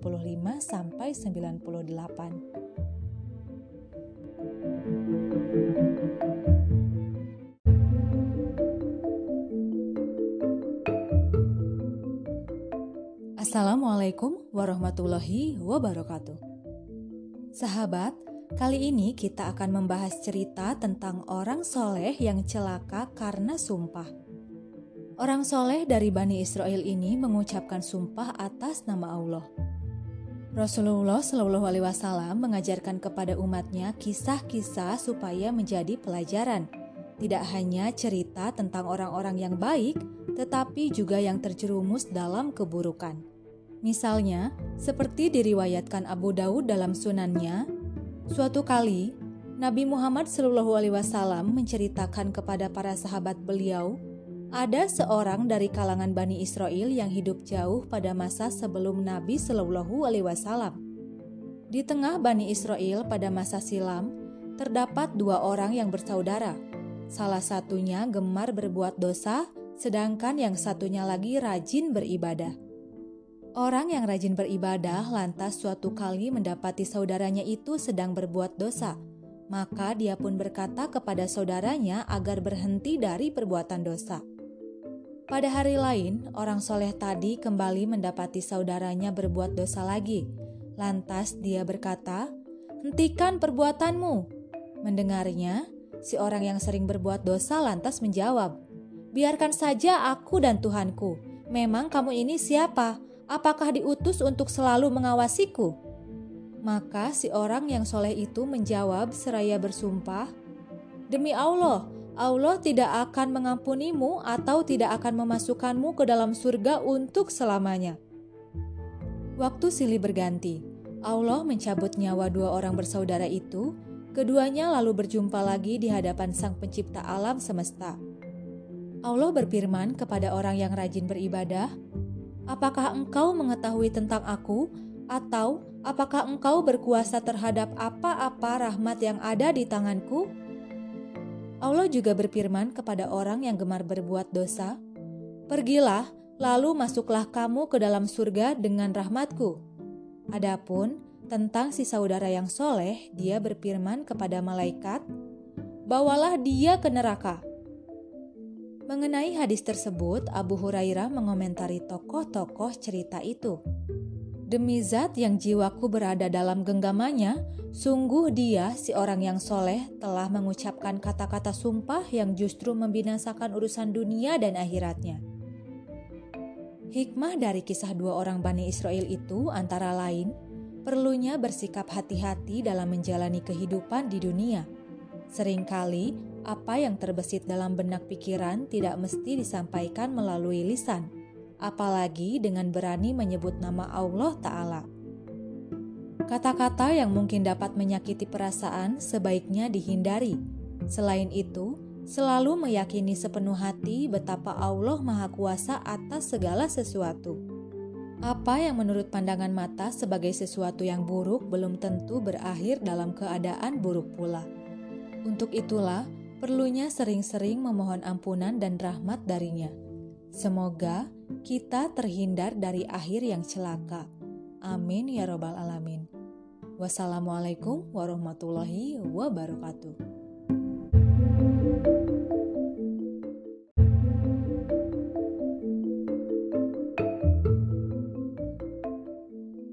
Assalamualaikum warahmatullahi wabarakatuh. Suatu hari, seorang gadis yang terpengaruh dengan cara hidup masyarakat Barat menaiki sebuah minibus untuk menuju ke tujuan di wilayah Iskandariah, Mesir. Pakaian gadis itu sangat mencolok, bajunya agak tipis dan seksi hampir terlihat segala bagian yang patut disembunyikan bagi seorang perempuan dari pandangan pria atau yang bukan muhrimnya. Di dalam bus itu ada seorang orang tua yang dipenuhi uban menegurnya. Wahai pemudi, alangkah baiknya jika kamu berpakaian yang baik, yang sesuai dengan adat serta agama Islam kamu, itu lebih baik dari kamu berpakaian begini yang pastinya menjadi korban pandangan liar kaum pria nasihat orang tua itu. Namun, saran yang sangat bertatapan dengan tuntutan agama itu dijawab oleh gadis itu dengan jawaban mengejek. Siapalah kamu, hai orang tua? Apakah kamu mencoba mengingatkan aku supaya menutup aurat sepenuhnya? Sedangkan orang tua kandungku sendiri tidak pernah menasihatiku. Apakah kamu ingin aku berpakaian menutup aurat, sedangkan aku masih ingin bebas menayangkan tubuhku di depan umum? Apakah di tangan kamu ada kunci surga? Atau apakah kamu memiliki semacam kekuatan yang menentukan aku bakal berada di surga atau neraka? Setelah mengucap kata-kata yang sangat mengiris perasaan orang tua itu, si gadis tertawa lepas mengejek. Tidak cukup hanya itu, si gadis lantas mencoba memberikan ponselnya kepada orang tua tadi sambil berkata lebih dahsyat. Jika Islam itu benar, tempatkan rumahku di neraka, juga handphoneku ini hubungilah Allah serta tolong tempatkan sebuah kamar di neraka jahanam untukku. Katanya lagi lantas tertawa meledek. Orang tua tersebut sangat terkejut mendengar jawaban dari si gadis. Sayang sekali wajahnya yang ayu tidak sama dengan perilakunya yang buruk. Penumpang-penumpang yang lain juga turut terdiam, bahkan ada yang menggelengkan kepala tak habis pikir dengan perilaku si gadis ini. Sepuluh menit kemudian, bus tiba di halte. Gadis seksi bermulut sengit itu tertidur di depan pintu bus. Tiba-tiba, orang tua tadi memeriksa nadi si gadis itu. Sedetik kemudian, dia menggeleng. Gadis itu telah kembali menemui sang kuasa dalam keadaan yang tidak disangka. Tubuh gadis itu pun terjatuh ke pinggir jalan. Orang banyak mencoba menyelamatkan jenazah tersebut, tetapi sekali lagi mereka terkejut sesuatu yang aneh menimpa jenazah yang terbujur kaku di jalan raya. Mayatnya menjadi hitam seperti dibakar api. Ada dua tiga orang yang mencoba mengangkat mayat tersebut. Ia juga keheranan karena tangan mereka terasa panas dan hampir terbakar saat menyentuh tubuh si mayat. Apakah hasratnya untuk memesan sebuah kamar di neraka dikabulkan oleh Allah? Nauzubillah. Sesungguhnya Allah itu maha berkuasa di atas segala sesuatu.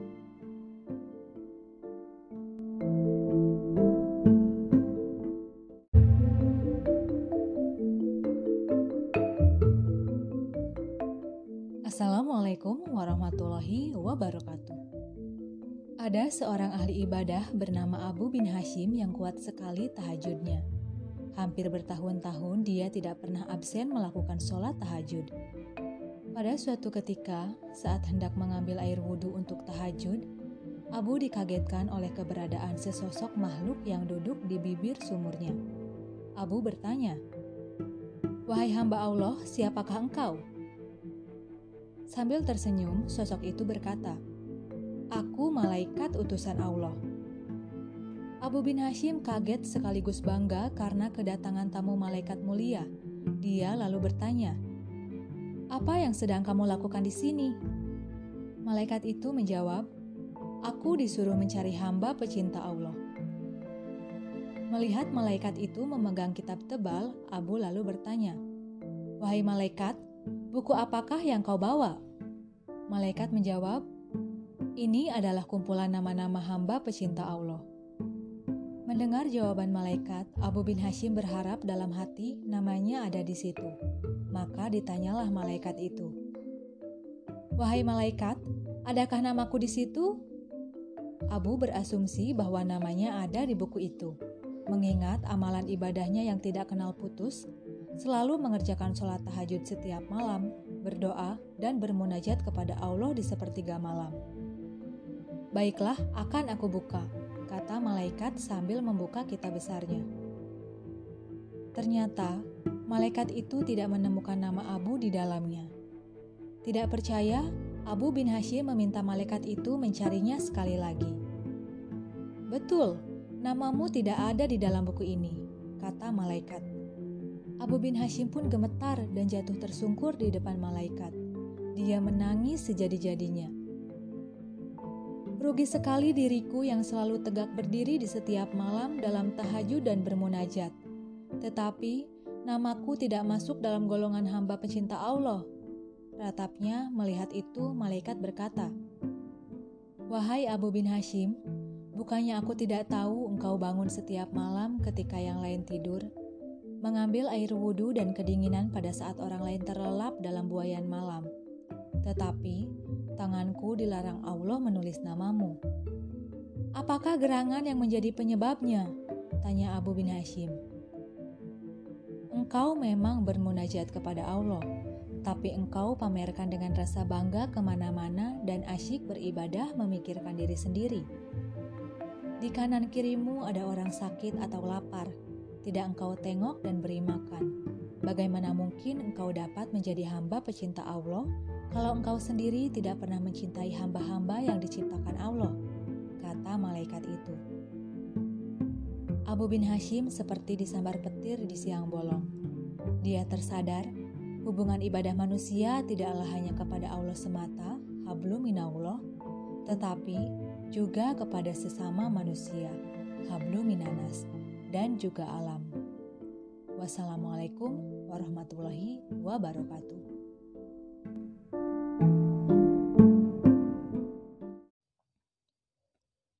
Assalamualaikum warahmatullahi wabarakatuh. Kali ini kita akan mendengarkan kisah tentang salah satu sahabat Rasul, yaitu Sya'ban radhiyallahu anha yang menyesal saat sakaratul maut. Seorang sahabat Rasulullah Shallallahu alaihi wasallam, Sya'ban radhiyallahu anha, memiliki kebiasaan unik. Dia datang ke masjid sebelum waktu sholat berjamaah. Ia selalu mengambil posisi di pojok masjid pada saat sholat berjamaah dan itikaf. Alasannya selalu mengambil posisi di pojok masjid karena ia tidak ingin mengganggu atau menghalangi orang lain yang akan melakukan ibadah di masjid. Kebiasaan ini sudah dipahami oleh semua orang, bahkan oleh Rasulullah sendiri. Pada suatu pagi, saat sholat subuh berjamaah akan dimulai, Rasulullah Shallallahu Alaihi Wasallam merasa heran karena tidak mendapati Syaban radhiyallahu anha pada posisi seperti biasanya. Rasul pun bertanya kepada jamaah yang hadir, apakah ada yang melihat Syaban? Tapi tidak ada seorang pun yang melihat Syaban radhiyallahu anha. Sholat subuh pun sengaja ditunda sejenak untuk menunggu kehadiran Syaban.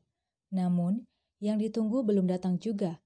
Karena khawatir sholat subuh kesiangan, Rasulullah pun memutuskan untuk segera melaksanakan sholat subuh berjamaah. Hingga sholat subuh selesai pun Syakban belum kunjung datang. Selesai sholat subuh, Rasul pun bertanya lagi, apakah ada yang mengetahui kabar Syakban? Namun tidak ada seorang pun yang menjawab. Rasul pun bertanya lagi, apa ada yang mengetahui di mana rumah Sya'ban? Seorang sahabat mengangkat tangan dan mengatakan bahwa dia tahu persis di mana rumah Sya'ban. Rasulullah sangat khawatir terjadi sesuatu terhadap sahabatnya tersebut, kemudian meminta diantarkan ke rumah Sya'ban. Perjalanan dari masjid ke rumah Sya'ban cukup jauh dan memakan waktu lama. Terlebih lagi, mereka menempuh dengan berjalan kaki. Akhirnya, Rasulullah dan para sahabat sampai di rumah Sya'ban pada waktu sholat duha, kira-kira tiga jam perjalanan. Sampai di depan rumah Sya'ban, beliau mengucapkan salam dan keluarlah wanita sambil membalas salam. Benarkah ini rumah Sya'ban? Tanya Rasulullah. Ya benar, ini rumah Sya'ban, saya istrinya. Jawab wanita itu. Bolehkah kami menemui Sya'ban radhiyallahu anha yang tidak hadir sholat subuh di masjid pagi ini? Ucap Rasul. Dengan berlinang air mata, istri Sya'ban radhiyallahu anha menjawab, Beliau telah meninggal tadi pagi. Innalillahi wa innalillahi roji'un. Jawab semuanya.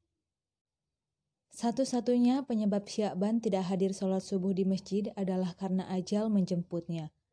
Beberapa saat kemudian, istri Syakban radhiyallahu anha bertanya, Ya Rasulullah, ada sesuatu yang jadi tanda tanya bagi kami semua, yaitu Menjelang kematiannya, dia berteriak tiga kali dengan masing-masing teriakan disertai satu kalimat. Kami semua tidak paham apa maksudnya. Apa saja kalimat yang diucapkannya? Tanya Rasulullah. Di masing-masing teriakannya, dia berucap kalimat, Aduh, kenapa tidak lebih jauh? Aduh, kenapa tidak yang baru? Aduh, kenapa tidak semuanya? Jawab istri Syakban. Rasulullah Shallallahu Alaihi Wasallam pun melantunkan ayat yang terdapat dalam surat Qaf ayat 22 yang artinya sesungguhnya kamu berada dalam keadaan lalai dari hal ini maka kami singkapkan padamu hijab yang menutupi matamu maka penglihatanmu pada hari itu amat tajam. Saat Sya'ban radhiyallahu anha dalam keadaan syakaratul maut, perjalanan hidupnya ditayangkan ulang oleh Allah Subhanahu wa taala. Bukan hanya itu, semua ganjaran dari perbuatannya diperlihatkan oleh Allah. Apa yang dilihat oleh Syaban radhiyallahu anha dan orang yang syakaratul maut tidak bisa disaksikan yang lain. Dalam pandangannya yang tajam itu, Syaban radhiyallahu anha melihat suatu adegan di mana kesehariannya dia pergi pulang ke masjid untuk sholat berjamaah lima waktu. Perjalanan sekitar tiga jam jalan kaki, tentu itu bukan jarak yang dekat. Dalam tayangan itu pula, Syakban radhiyallahu anha diperlihatkan pahala yang diperolehnya dari langkah-langkahnya ke masjid. Ujar Rasulullah. Dia melihat seperti apa bentuk syurga yang dijanjikan sebagai ganjarannya. Saat dia melihat, dia berucap, Aduh, mengapa tidak lebih jauh? Timbul penyesalan dalam diri Syakban mengapa rumahnya tidak lebih jauh lagi supaya pahala yang didapatkannya lebih indah. Dalam penggalan kalimat berikutnya, Syakban radhiyallahu anha melihat saat ia berangkat sholat berjamaah di musim dingin. Saat ia membuka pintu, berhembuslah angin dingin yang menusuk tulang. Dia masuk ke dalam rumahnya dan mengambil satu baju lagi untuk dipakainya. Dia memakai dua baju, Syakban memakai pakaian yang bagus atau baru di dalam dan yang jelek atau butut di luar. Dia berpikir, jika kena debu, tentu yang kena hanyalah baju yang luar dan sampai di masjid dia bisa membuka baju luar dan sholat dengan baju yang lebih bagus. Ketika dalam perjalanan menuju masjid, dia menemukan seseorang yang terbaring dan kedinginan dalam kondisi mengenaskan. Syaban pun ibah dan segera membukakan baju yang paling luar lalu dipakaikan kepada orang tersebut. Kemudian dia memapahnya ke masjid agar dapat melakukan sholat subuh bersama-sama. Orang itu pun selamat dari mati kedinginan dan bahkan sampai melakukan sholat berjamaah. Syakban radhiyallahu anha pun kemudian melihat indahnya syurga yang sebagai balasan memakaikan baju bututnya kepada orang tersebut. Kemudian dia berteriak lagi, Aduh, kenapa tidak yang baru? Timbul lagi penyesalan di benak Syakban radhiyallahu anha. Jika dengan baju bututnya saja bisa mengantarkannya mendapat pahala besar, sudah tentu dia akan mendapatkan yang lebih besar jika memberikan pakaiannya yang baru. Berikutnya, Syaban radhiyallahu anha melihat lagi suatu adegan saat dia hendak sarapan dengan roti yang dimakan dengan cara mencelupkan dulu ke dalam segelas susu. Bagi yang pernah ke Tanah Suci tentu mengetahui ukuran roti Arab, sekitar tiga kali ukuran rata-rata dari roti Indonesia. Ketika baru saja ingin memulai sarapan, muncullah pengemis di depan pintu yang meminta sedikit roti karena sudah tiga hari perutnya tidak diisi dengan makanan. Melihat hal itu, Syaban radhiyallahu anha merasa iba.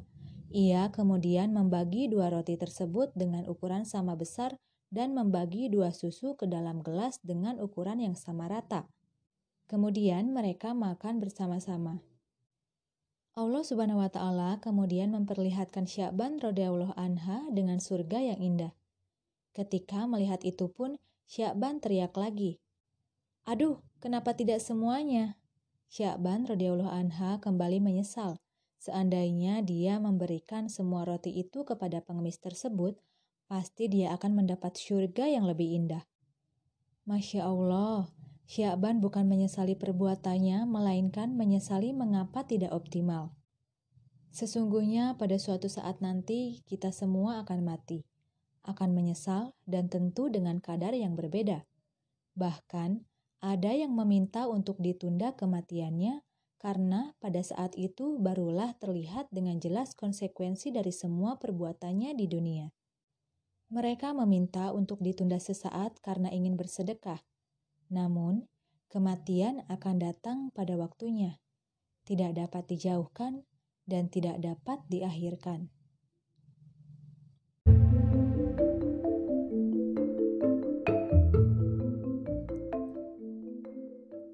Assalamualaikum warahmatullahi wabarakatuh. Surga dan neraka adalah tempat di mana manusia akan berada di salah satunya sesuai dengan amal dan perbuatannya. Mereka yang ingin masuk surga jelas akan selalu melakukan perbuatan-perbuatan baik, seperti beribadah dan melakukan amalan yang dianggap bernilai pahala yang besar. Sedangkan mereka yang masuk neraka tentu adalah mereka yang selalu melakukan hal-hal yang dilarang oleh Allah Subhanahu wa taala. Ada suatu kisah unik bahwa seekor lalat bisa menjerumuskan seseorang ke surga maupun ke neraka. Ini dikisahkan oleh Muhammad bin Abdul Wahab dalam Fat al-Mazid fi Kitab At-Tauhid. Dikisahkan, ada dua orang yang masuk ke sebuah kampung di mana para penghuninya menyembah berhala. Mereka yang ingin memasuki kampung tersebut, walau hanya sekedar lewat, diwajibkan untuk mengorbankan sesuatu sekecil apa pun itu. Nabi Muhammad Shallallahu Alaihi Wasallam mengisahkan hal ini kepada para sahabatnya. Ada seorang yang masuk surga karena seekor lalat, dan ada yang masuk neraka karena seekor lalat pula. Para sahabat bertanya, "Bagaimana hal itu bisa terjadi, Rasulullah?" Rasul menjawab, ada dua orang yang berjalan melewati sebuah kaum yang memiliki berhala, yang mana tidak boleh seorang pun melewatinya kecuali dengan mempersembahkan sesuatu untuknya terlebih dahulu. Maka mereka berkata kepada salah satu di antara kedua orang tadi, "Persembahkanlah sesuatu untuknya." Ia menjawab, "Saya tidak mempunyai apa pun yang akan saya persembahkan." Mereka berkata lagi, persembahkanlah walaupun seekor lalat. Maka ia pun mempersembahkan untuknya seekor lalat. Kemudian mereka membiarkan ia untuk meneruskan perjalanannya, dan ia pun masuk ke dalam neraka. Kemudian mereka berkata lagi kepada orang yang satunya, "Persembahkanlah sesuatu untuknya." Ia menjawab, "Aku tidak akan mempersembahkan sesuatu apa pun untuk selain Allah." Maka mereka pun memenggal lehernya dan ia pun masuk ke dalam syurga. Hadis riwayat Ahmad. Hadis tersebut menggambarkan bahwa setiap umat Islam tidaklah boleh menyekutukan Allah Subhanahu wa taala seperti mempersembahkan sesuatu selain kepadanya. Itulah yang namanya musyrik, tidak mempercayai sekaligus menyekutukan Allah Subhanahu wa taala. Allah Subhanahu wa taala berfirman dalam Quran surat Al-Maidah ayat 72 yang artinya Sesungguhnya orang yang mempersekutukan sesuatu dengan Allah pasti Allah akan mengharapkan kepadanya surga dan tempatnya ialah neraka. Tidaklah ada bagi orang-orang zolim itu seorang penolong pun. Allah Subhanahu wa taala juga menyebutkan dalam surat lainnya yaitu Quran surat Al-Kahfi ayat 110 yang artinya Katakanlah sesungguhnya aku ini manusia biasa seperti kamu yang diwahyukan kepadaku bahwa sesungguhnya Tuhan kamu itu adalah Tuhan yang esa. Barang siapa mengharap perjumpaan dengan Tuhannya, maka hendaklah ia mengerjakan amal yang soleh dan janganlah ia mempersekutukan seorang pun dalam beribadat kepada Tuhannya. Nah, sahabat, begitulah kisah dua orang yang memiliki keputusan berbeda hingga pilihannya tersebut akhirnya bisa menjadi penentu untuk ia masuk surga atau neraka.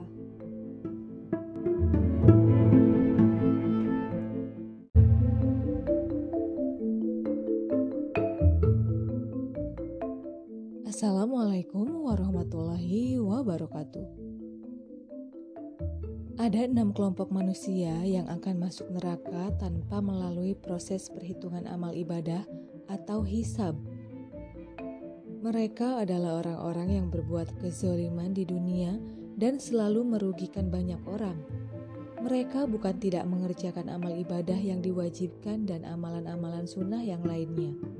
Namun, amal ibadah yang mereka kerjakan sulit untuk mengalahkan dosa-dosa yang telah mereka perbuat. Menurut Imam Al-Ghazali dalam kitab Minhaj Al-Abidin, keenam kelompok orang itu seperti yang disebutkan dalam hadis yang diriwayatkan Adulaimi, yaitu adalah yang pertama, pemimpin yang zolim. Mereka adalah pemimpin yang tidak amanah di saat memegang jabatan. Jabatan yang dimiliki digunakan hanya untuk kepentingan pribadi dan kelompoknya, bukan untuk kepentingan umat. Padahal, dalam pandangan Islam, jabatan merupakan sebuah amanah yang besar. Pertanggungjawabannya bukan hanya kepada manusia, melainkan juga kepada Allah Subhanahu wa taala. Itulah mengapa para sahabat enggan memegang jabatan sebagai pemimpin untuk menggantikan posisi Rasulullah Shallallahu Alaihi Wasallam. Dalam sebuah riwayat diceritakan bahwa jenazah Rasulullah baru dimakamkan tiga hari setelah beliau wafat. Ini disebabkan para sahabat menunggu siapa pemimpin sesudah Rasulullah. Yang kedua, pengusaha yang hianat. Segala bentuk usaha yang dilakukan bertentangan dengan apa yang sudah ditentukan dalam Islam usahanya menggunakan cara-cara yang tidak terpuji, misalnya seperti menipu. Kalau ia seorang pedagang buah, di atas keranjang buah selalu ditempatkan buah-buah yang masih baru dan segar, tetapi di bagian bawah buahnya dalam keadaan jelek, bahkan ada yang busuk. Islam pun melarang setiap pedagang untuk mengurangi timbangan, karena dengan berbuat itu akan merugikan konsumen. Kegiatan menimbun barang juga merupakan perbuatan yang ditentang ajaran Islam. Alasannya, kegiatan itu biasanya digunakan untuk meresahkan masyarakat akibat mahalnya harga barang. Tindakan itu merugikan masyarakat. Yang ketiga, penguasa kecil yang mempunyai kesombongan besar. Terkadang kita jumpai di masyarakat bahwa pemimpin-pemimpin daerah justru ingin diperlakukan dengan istimewa, bahkan terkadang melebihi pemimpin yang memiliki kekuasaan yang lebih besar. Mereka sombong dengan jabatan yang dikuasai, padahal yang berhak sombong tidak lain adalah Allah Subhanahu wa taala. Yang keempat, fanatisme golongan. Mereka memiliki rasa fanatisme yang berlebihan terhadap sebuah kelompok atau golongan apa pun akan mereka lakukan asalkan demi golongannya. Mereka berjuang bukan untuk mencari ridho Allah, melainkan untuk kepentingan golongan.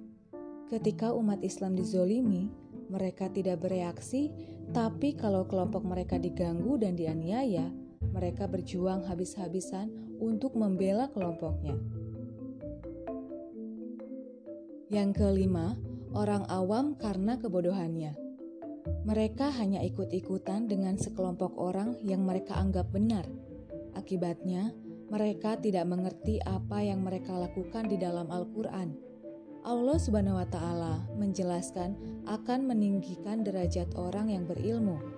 Karena itu, mencari ilmu dalam Islam juga merupakan kewajiban bagi setiap Muslim. Yang keenam, Ulama yang mempunyai hati dengki. Ulama menurut arti bahasa adalah orang yang berilmu. Setiap ilmu yang dimiliki harus digunakan untuk kepentingan umat, bukan untuk kepentingan individu ataupun kelompok. Dan pastinya, ilmu yang dimiliki akan dimintai pertanggungjawabannya oleh Allah Subhanahu wa taala. Nah, sahabat, Itulah enam kelompok manusia yang masuk neraka tanpa hisab. Apa yang dikatakan Rasulullah Shallallahu Alaihi Wasallam itu sangat relevan dengan kehidupan kita sehari-hari. Saat ini, keenam kelompok itu bermunculan di negeri ini. Semoga kita semua tidak termasuk ke dalam salah satu dari mereka. Amin ya Robbal 'Alamin. Wassalamualaikum warahmatullahi wabarakatuh.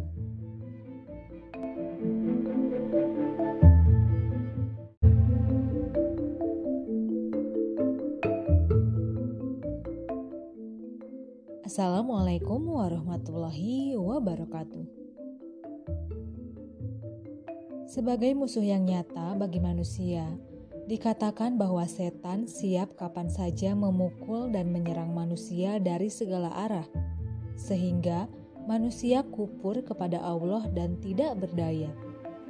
Sebagaimana disebutkan dalam surat Al-A'raf ayat 17 yang artinya, Kemudian saya, setan atau iblis, akan mendatangi mereka, manusia, dari muka dan dari belakang mereka, dari kanan dan dari kiri mereka, dan engkau tidak akan mendapati kebanyakan mereka bersyukur atau taat.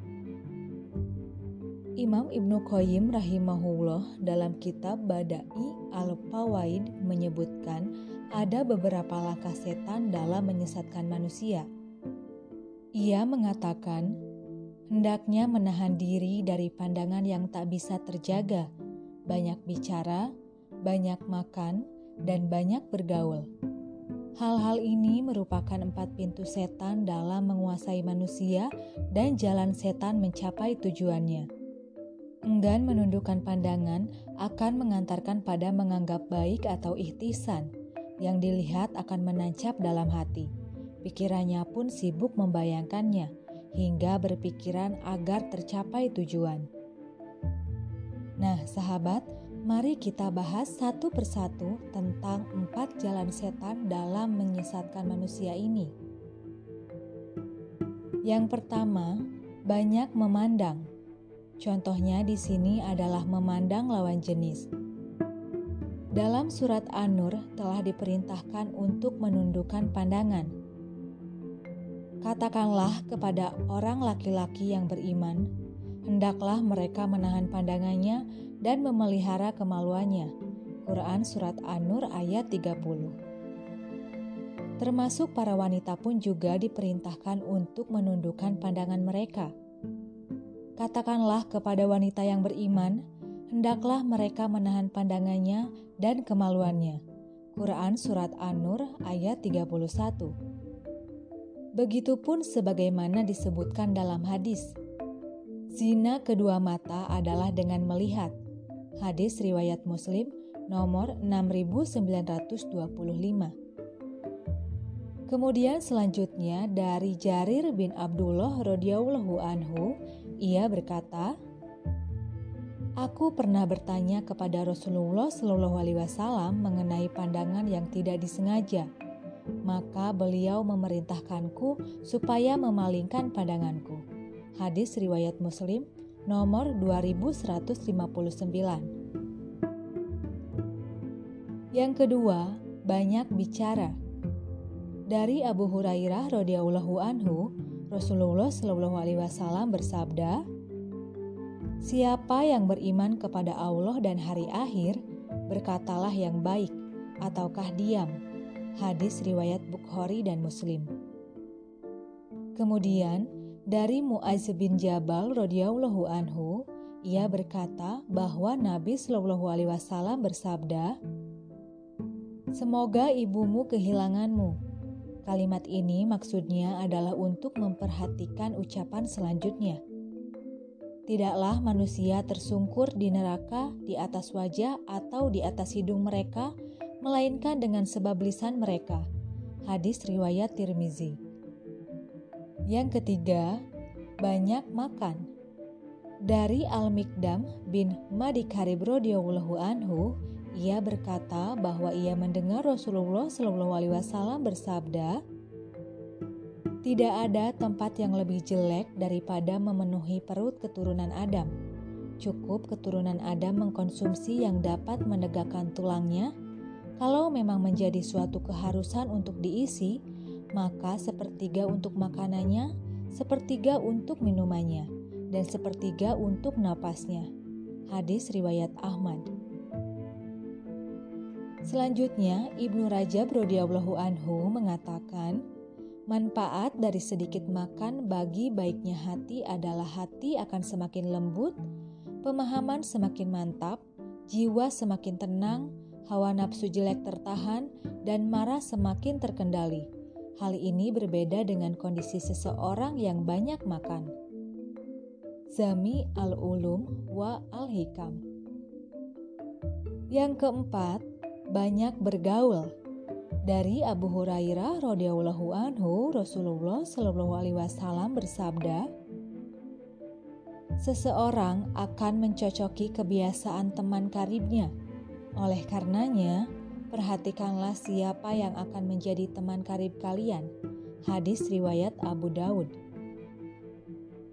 Menyikapi hal demikian melalui haukolah ataupun dengan membaca ta'awuj saja, Setan tak akan lari terkecuali jika kita senantiasa menjaga kebersihan hati dengan selalu mengingat Allah Azza wa Jalla. Sehingga upaya tipu daya setan akan luruh sebagaimana firman Allah dalam Quran surat An-Nahl ayat 99 yang artinya Sesungguhnya setan itu tidak ada kekuatannya atas orang-orang beriman dan bertawakal kepada Tuhannya. Wassalamualaikum warahmatullahi wabarakatuh.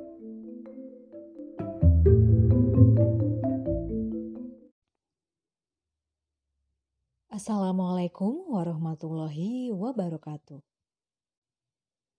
Sahabat, kali ini kita akan membahas tentang 10 permintaan iblis yang dikabulkan oleh Allah Subhanahu wa taala.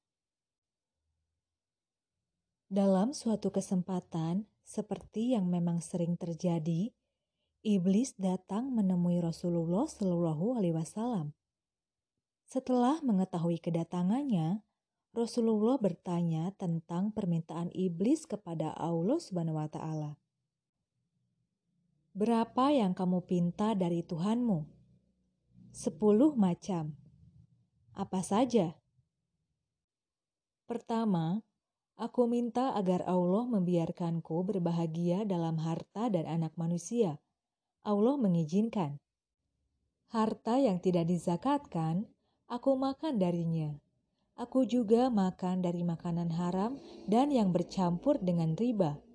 Aku juga makan dari makanan yang tidak dibacakan nama Allah. Tentang permintaan iblis ini, Allah berfirman, Berbahagialah dengan manusia dalam harta dan anak, dan janjikanlah mereka tidaklah janji setan kecuali tipuan. Quran Surat Al-Isra ayat 64 Kedua, aku minta agar Allah membiarkanku ikut bersama dengan orang yang berhubungan dengan istrinya tanpa berlindung kepada Allah. Maka setan ikut bersamanya, dan anak yang dilahirkan akan mudah patuh kepada bisikan setan. Ketiga, aku minta agar boleh ikut bersama dengan orang yang menaiki kendaraan, bukan untuk tujuan yang halal. Keempat, aku minta agar Allah menjadikan kamar mandi sebagai rumahku.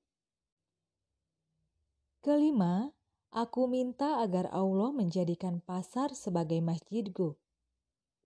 Keenam, Aku minta agar Allah menjadikan syair sebagai Quranku. Ketujuh, aku minta agar Allah menjadikan pemabuk sebagai teman tidurku. Kedelapan, aku minta agar Allah memberikanku saudara. Maka dia jadikan orang yang membelanjakan hartanya untuk maksiat sebagai saudaraku. Allah berfirman, Orang-orang yang boros adalah saudara-saudara setan.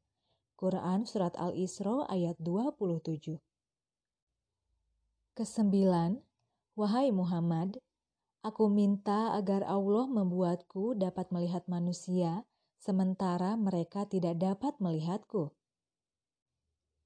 Kesepuluh, aku minta agar Allah memberiku kemampuan untuk mengalir dalam aliran darah manusia, Allah menjawab, "Silahkan."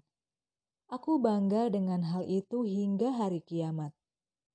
Sebagian besar manusia bersamaku di hari kiamat. Iblis berkata, "Wahai Muhammad, aku tak mampu menyesatkan orang sedikit pun. Aku hanya mampu membisikkan dan menggoda. Jika aku mampu menyesatkan, tak akan tersisa seorang pun." Sebagaimana dirimu, kamu tidak mampu memberi hidayah sedikit pun. Engkau hanya rasul yang menyampaikan amanah. Jika kau mampu memberi hidayah, tak akan ada seorang kafir pun di muka bumi ini. Kau hanya mampu menjadi penyebab untuk orang yang telah ditentukan sengsara. Orang yang bahagia adalah orang yang telah ditulis bahagia sejak di dalam perut ibunya dan orang yang sengsara adalah orang yang telah ditulis sengsara semenjak dalam kandungan ibunya. Kemudian Rasulullah Shallallahu Alaihi Wasallam berkata, mereka akan terus berselisih kecuali orang yang dirahmati oleh Allah Subhanahu wa taala. Quran surat Hud ayat 118 dan 119. Rasulullah juga berkata, Sesungguhnya ketentuan Allah pasti berlaku. Quran Surat Al-Ahzab ayat 38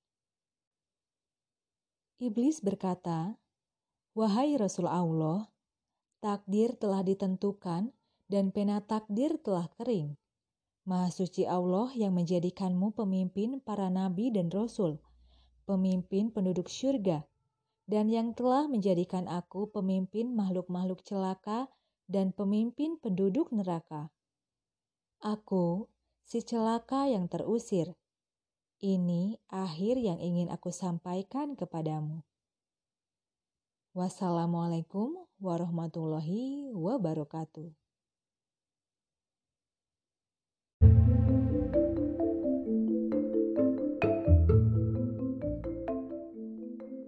Assalamualaikum warahmatullahi wabarakatuh. Sahabat, kali ini kita akan membahas tentang 10 permintaan iblis yang dikabulkan oleh Allah Subhanahu wa taala. Dalam suatu kesempatan seperti yang memang sering terjadi, iblis datang menemui Rasulullah Shallallahu alaihi wasallam. Setelah mengetahui kedatangannya, Rasulullah Shallallahu alaihi wasallam bertanya, tentang permintaan iblis pada Allah Subhanahu wa taala. Berapa yang kau pinta dari Tuhanmu? Sepuluh macam. Apa saja? Pertama, aku minta agar Allah membiarkanku berbahagia dalam harta dan anak manusia. Allah mengizinkan harta yang tidak dizakatkan, aku makan darinya Aku juga makan dari makanan haram dan yang bercampur dengan riba. Aku juga makan dari makanan yang tidak dibacakan nama Allah. Tentang permintaan iblis ini, Allah berfirman, "Berbahagialah dengan manusia dalam harta dan anak, dan janjikanlah mereka tidaklah janji setan kecuali tipuan."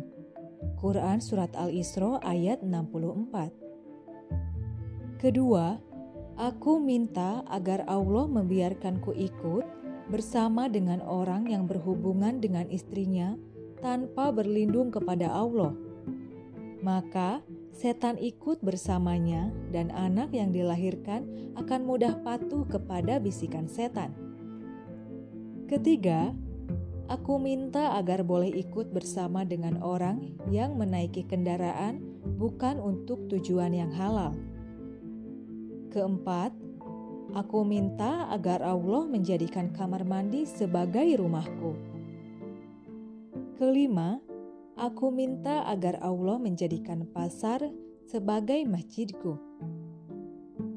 Keenam, aku minta agar Allah menjadikan syair sebagai Quranku.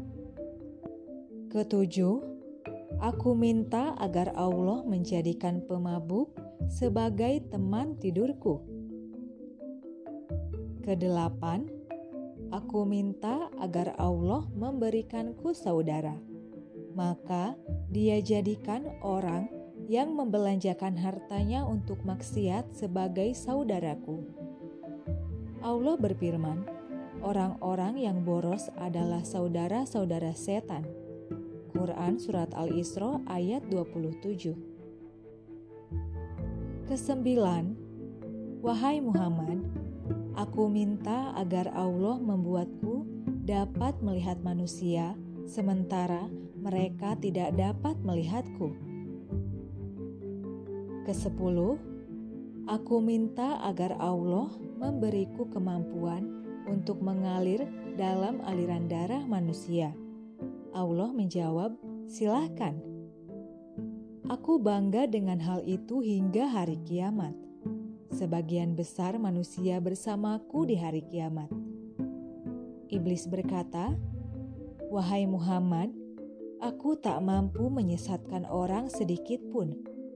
Aku hanya mampu membisikkan dan menggoda. Jika aku mampu menyesatkan, tak akan tersisa seorang pun. Sebagaimana dirimu, kamu tidak mampu memberi hidayah sedikit pun. Engkau hanya rasul yang menyampaikan amanah. Jika kau mampu memberi hidayah, tak akan ada seorang kafir pun di muka bumi ini. Kau hanya mampu menjadi penyebab untuk orang yang telah ditentukan sengsara. Orang yang bahagia adalah orang yang ditulis bahagia sejak di perut ibunya, dan orang yang sengsara adalah orang yang telah ditulis sengsara semenjak dalam kandungan ibunya. Rasulullah Shallallahu Alaihi Wasallam berkata, mereka akan terus berselisih kecuali orang yang dirahmati oleh Allah Subhanahu wa taala. Quran surat Hud ayat 118 dan 119.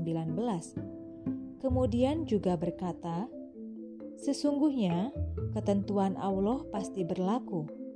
Quran Surat Al-Ahzab ayat 38 Iblis lalu berkata, Wahai Rasul Allah, takdir telah ditentukan dan pena takdir telah kering. Maha suci Allah yang menjadikanmu pemimpin para nabi dan rasul, pemimpin penduduk syurga, dan yang telah menjadikan aku pemimpin makhluk-makhluk celaka, dan pemimpin penduduk neraka. Aku, si celaka yang terusir. Ini akhir yang ingin aku sampaikan kepadamu.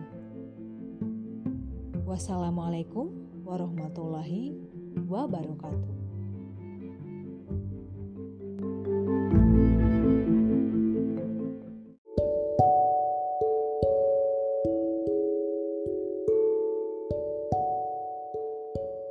Assalamualaikum warahmatullahi wabarakatuh. Pahala dan surga. kita mengetahui dan meyakini keberadaannya dari nabi dan rasul. Nabi Muhammad SAW mengisahkan keberadaan, keindahan, dan kesentosaan kehidupan penghuni alam surga dalam sabda-sabdanya. Al-Quran sebagai kitab pembawa kabar gembira banyak mengisahkannya. Kitab suci ini rinci menceritakannya. Suasana, fasilitas, kunci-kunci untuk membukanya, jumlah pintu masuknya pun diindikasikannya. Allah berfirman, sehingga apabila mereka sampai ke surga itu, sedang pintu-pintu telah terbuka. Beberapa tafsir Al-Quran menceritakan bahwa surga itu memiliki banyak pintu. Sebagian mufasir atau ahli tafsir mengatakan delapan pintu, sebagian menyebutkan sepuluh, sampai ada yang menyebutkan tiga belas pintu. Banyak pintu menuju surga banyak jalan menuju surga, sebanyak rahmat dan kasih sayang Allah kepada makhluknya. Sebanyak bentuk dan ragam kebaikan dan amal-amal kemanusiaan sebagai bukti dan alat uji apa yang disebut kebaikan itu sendiri. Lalu, berapa jumlah pintu surga dan bagaimana hadis Rasul mengisahkannya? Diriwayatkan oleh Muslim dari Umar bin Khattab Rasulullah bersabda, "Setiap orang di antara kalian yang telah berwudu dengan sempurna lalu membaca Asyhadu alla ilaha illallah wa asyhadu anna Muhammad abduhu wa rasuluhu. Aku bersaksi bahwa tiada Tuhan selain Allah dan aku pun bersaksi bahwa Muhammad adalah hamba sekaligus rasul utusannya. Niscaya dibukakan untuknya ke delapan pintu surga ia bisa masuk dari pintu yang mana pun yang ia inginkan. Ini adalah salah satu perkataan Nabi Muhammad SAW tentang surga dan pintu-pintunya. Hadis tersebut menginformasikan bahwa pintu pertama alam surga yaitu adalah pembacaan ikrar dan bayat syahadatain. Inilah pintu pertama, syahadatain. Syahadatain menjadi pondamen awal bagi manusia yang sungguh-sungguh berniat menapaki jalan kebenaran. Jalan lurus menuju kebenaran ilahiyah, jalan ketundukan dan kepasrahan kepada Tuhan sejati dan hakiki. Ikrar suci ibarat kertas, ia merupakan belangko kosong. Perlu diisi dan ditulis indah di atasnya. Di sinilah Islam sebagai agama terakhir dalam perjalanan panjang kenabian dan kerasulan Sejak Adam, Nuh, Ibrahim, Musa, Isa sampai Muhammad mengajarkan bagaimana mengisi belangko kosong yang bernama syahadatain. Islam sebagai agama terakhir merangkum dan memformulasikan ajaran suci dalam rukun-rukun ketundukan atau Islam. Rukun Islam yang lima, syahadatain atau sahadat, solat, puasa, zakat, dan haji harus kita lakukan untuk kesempurnaan kedirian atau kejiwaan sebagai manusia. Kita butuh menjalankan tiang-tiang suci Islam ini secara baik dan benar. Untuk menuju kualitas Islam yang paripurna, kita butuh upgrading wawasan dan ilmu. Beragama mesti naik kelas dan kualitas.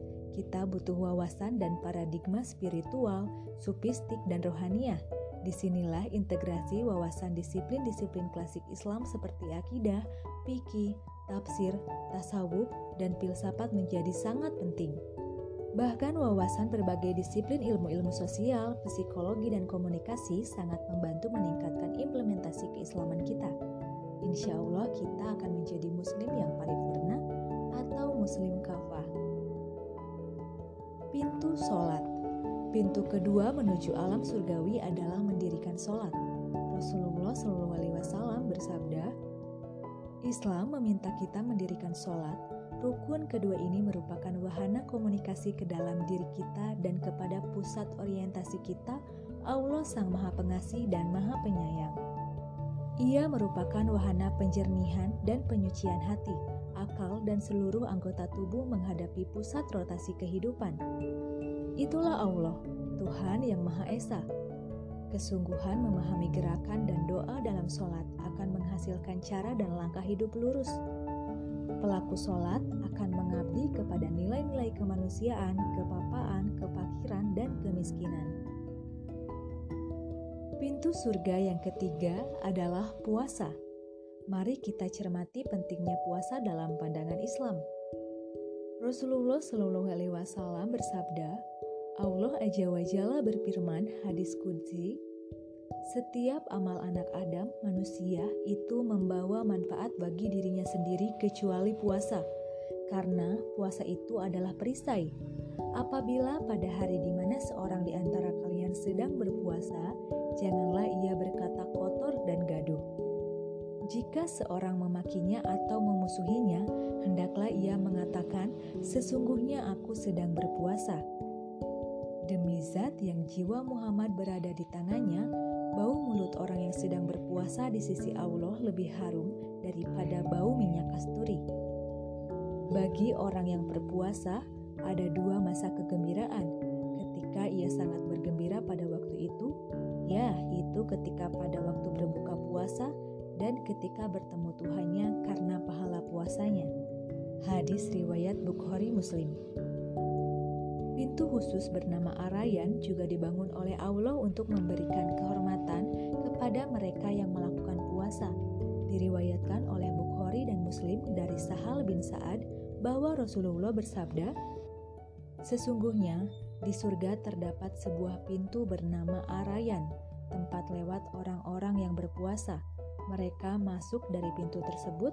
Apabila orang yang terakhir di antara mereka sudah masuk, Pintu tersebut ditutup sehingga tidak ada seorang pun yang bisa masuk ke dalamnya.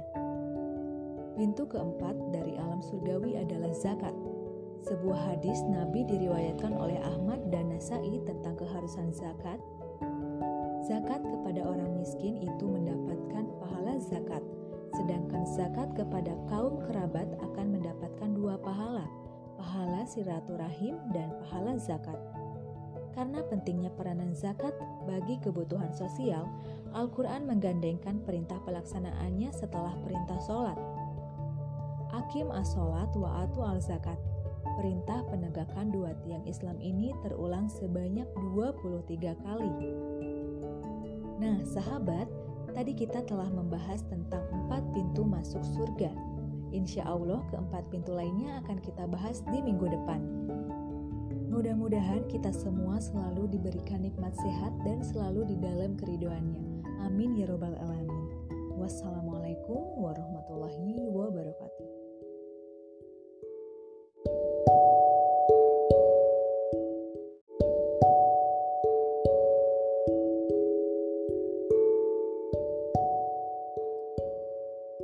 Assalamualaikum warahmatullahi wabarakatuh. Sahabat, Kali ini kita akan melanjutkan bahasan tentang delapan pintu masuk surga yang sebelumnya telah dibahas empat pintu masuk surga. Nah, selanjutnya kita akan membahas tentang empat pintu masuk surga lainnya.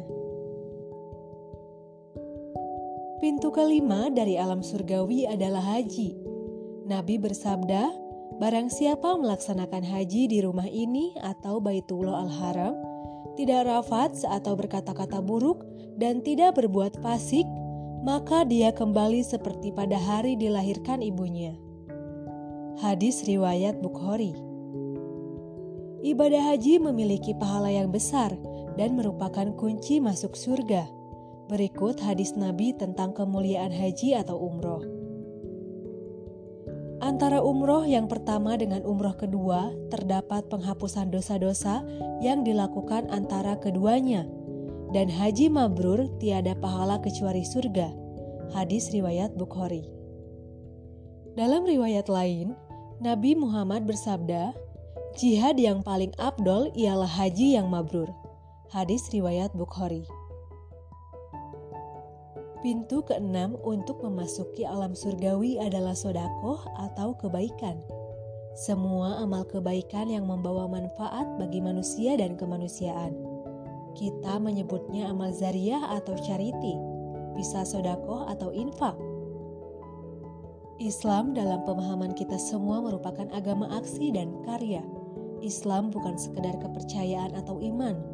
Islam mengajarkan pengimanan niat, motivasi, dan tekad-tekad untuk berbuat dan beramal kepada manusia. Agama ini mengajarkan pemeluknya untuk mengejawantahkan tekad hatinya dalam amal dan karya-karya yang bermanfaat bagi sesamanya. Islam mendorong pengimanannya membuktikan dan merealisasikan isi hatinya dalam aksi dan karya-karya nyata. Dikisahkan oleh Abu Hurairah bahwa Rasulullah bersabda, Barang siapa yang menafkahkan sepasang harta pada jalan Allah, niscaya akan ada malaikat yang menyeru dalam surga. Hai hamba Allah, apa yang kamu lakukan itu baik sekali. Barang siapa yang tergolong rajin sholat, ia akan diseru dari pintu sholat. Barang siapa yang termasuk orang yang gemar bersedekah, ia akan diseru dari pintu sedekah. Barang siapa masuk kelompok yang suka berpuasa, ia akan diseru dari pintu arayan. Abu Bakar bertanya, "Wahai Rasulullah, apakah setiap orang akan diseru dari pintu-pintu tersebut?" Beliau menjawab, "Benar, dan aku berharap kamu termasuk di antara mereka." Hadis riwayat Bukhari Muslim. Pintu ketujuh untuk masuk alam surgawi adalah akhlak.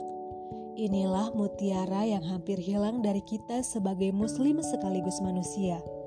Akhlak merupakan kedirian dan fitrah keberadaan kita di dunia. Ia merupakan tiang penyangga utama tata relasi kemanusiaan dan peradaban. Tanpa akhlak, kehidupan akan hancur. Bila akhlak kita nistakan dan abaikan, kita tinggal menunggu hari kehancuran peradaban kita. Betapa pentingnya akhlak.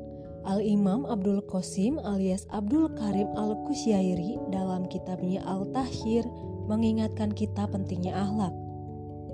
Beliau menyitir sabda Rasulullah, Akhlak yang baik merupakan kalung ridho Allah yang maha mulia lagi maha agung yang melingkar pada leher orang yang bersangkutan. Kalung itu diikatkan pada rantai rahmat dan rahmat itu diikatkan pada salah satu gerendel pintu surga.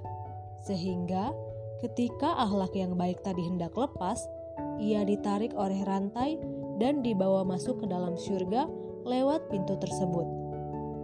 Sebaliknya, akhlak yang buruk adalah kalung murka Allah yang melingkar pada leher orang yang bersangkutan. Kalung itu diikatkan pada rantai siksa Allah dan rantai itu diikatkan pada salah satu gerendel pintu neraka. Sehingga ketika akhlak yang buruk tadi hendak lepas, ia segera ditarik oleh rantai dan dibawa masuk ke neraka lewat pintu tersebut. Pintu surga yang terakhir yaitu yang kedelapan, yaitu pintu sisanya. Di antaranya adalah pintu zikir, pintu ridho, atau pintu ilmu. Imam Nawawi rahimullah berkata, ada tujuh pintu yang ada dalam berbagai hadis, sedangkan 70 ribu orang yang masuk surga tanpa hisab akan masuk melalui pintu Al-Aiman, yaitu pintu ke-8 dalam syarat syahih Muslim. Alhamdulillah, bahasan tentang delapan pintu masuk surga telah selesai. Semoga kita semua termasuk ke dalam calon penghuni ke delapan pintu masuk surga tersebut. Amin ya Robbal 'Alamin. Wassalamualaikum warahmatullahi wabarakatuh.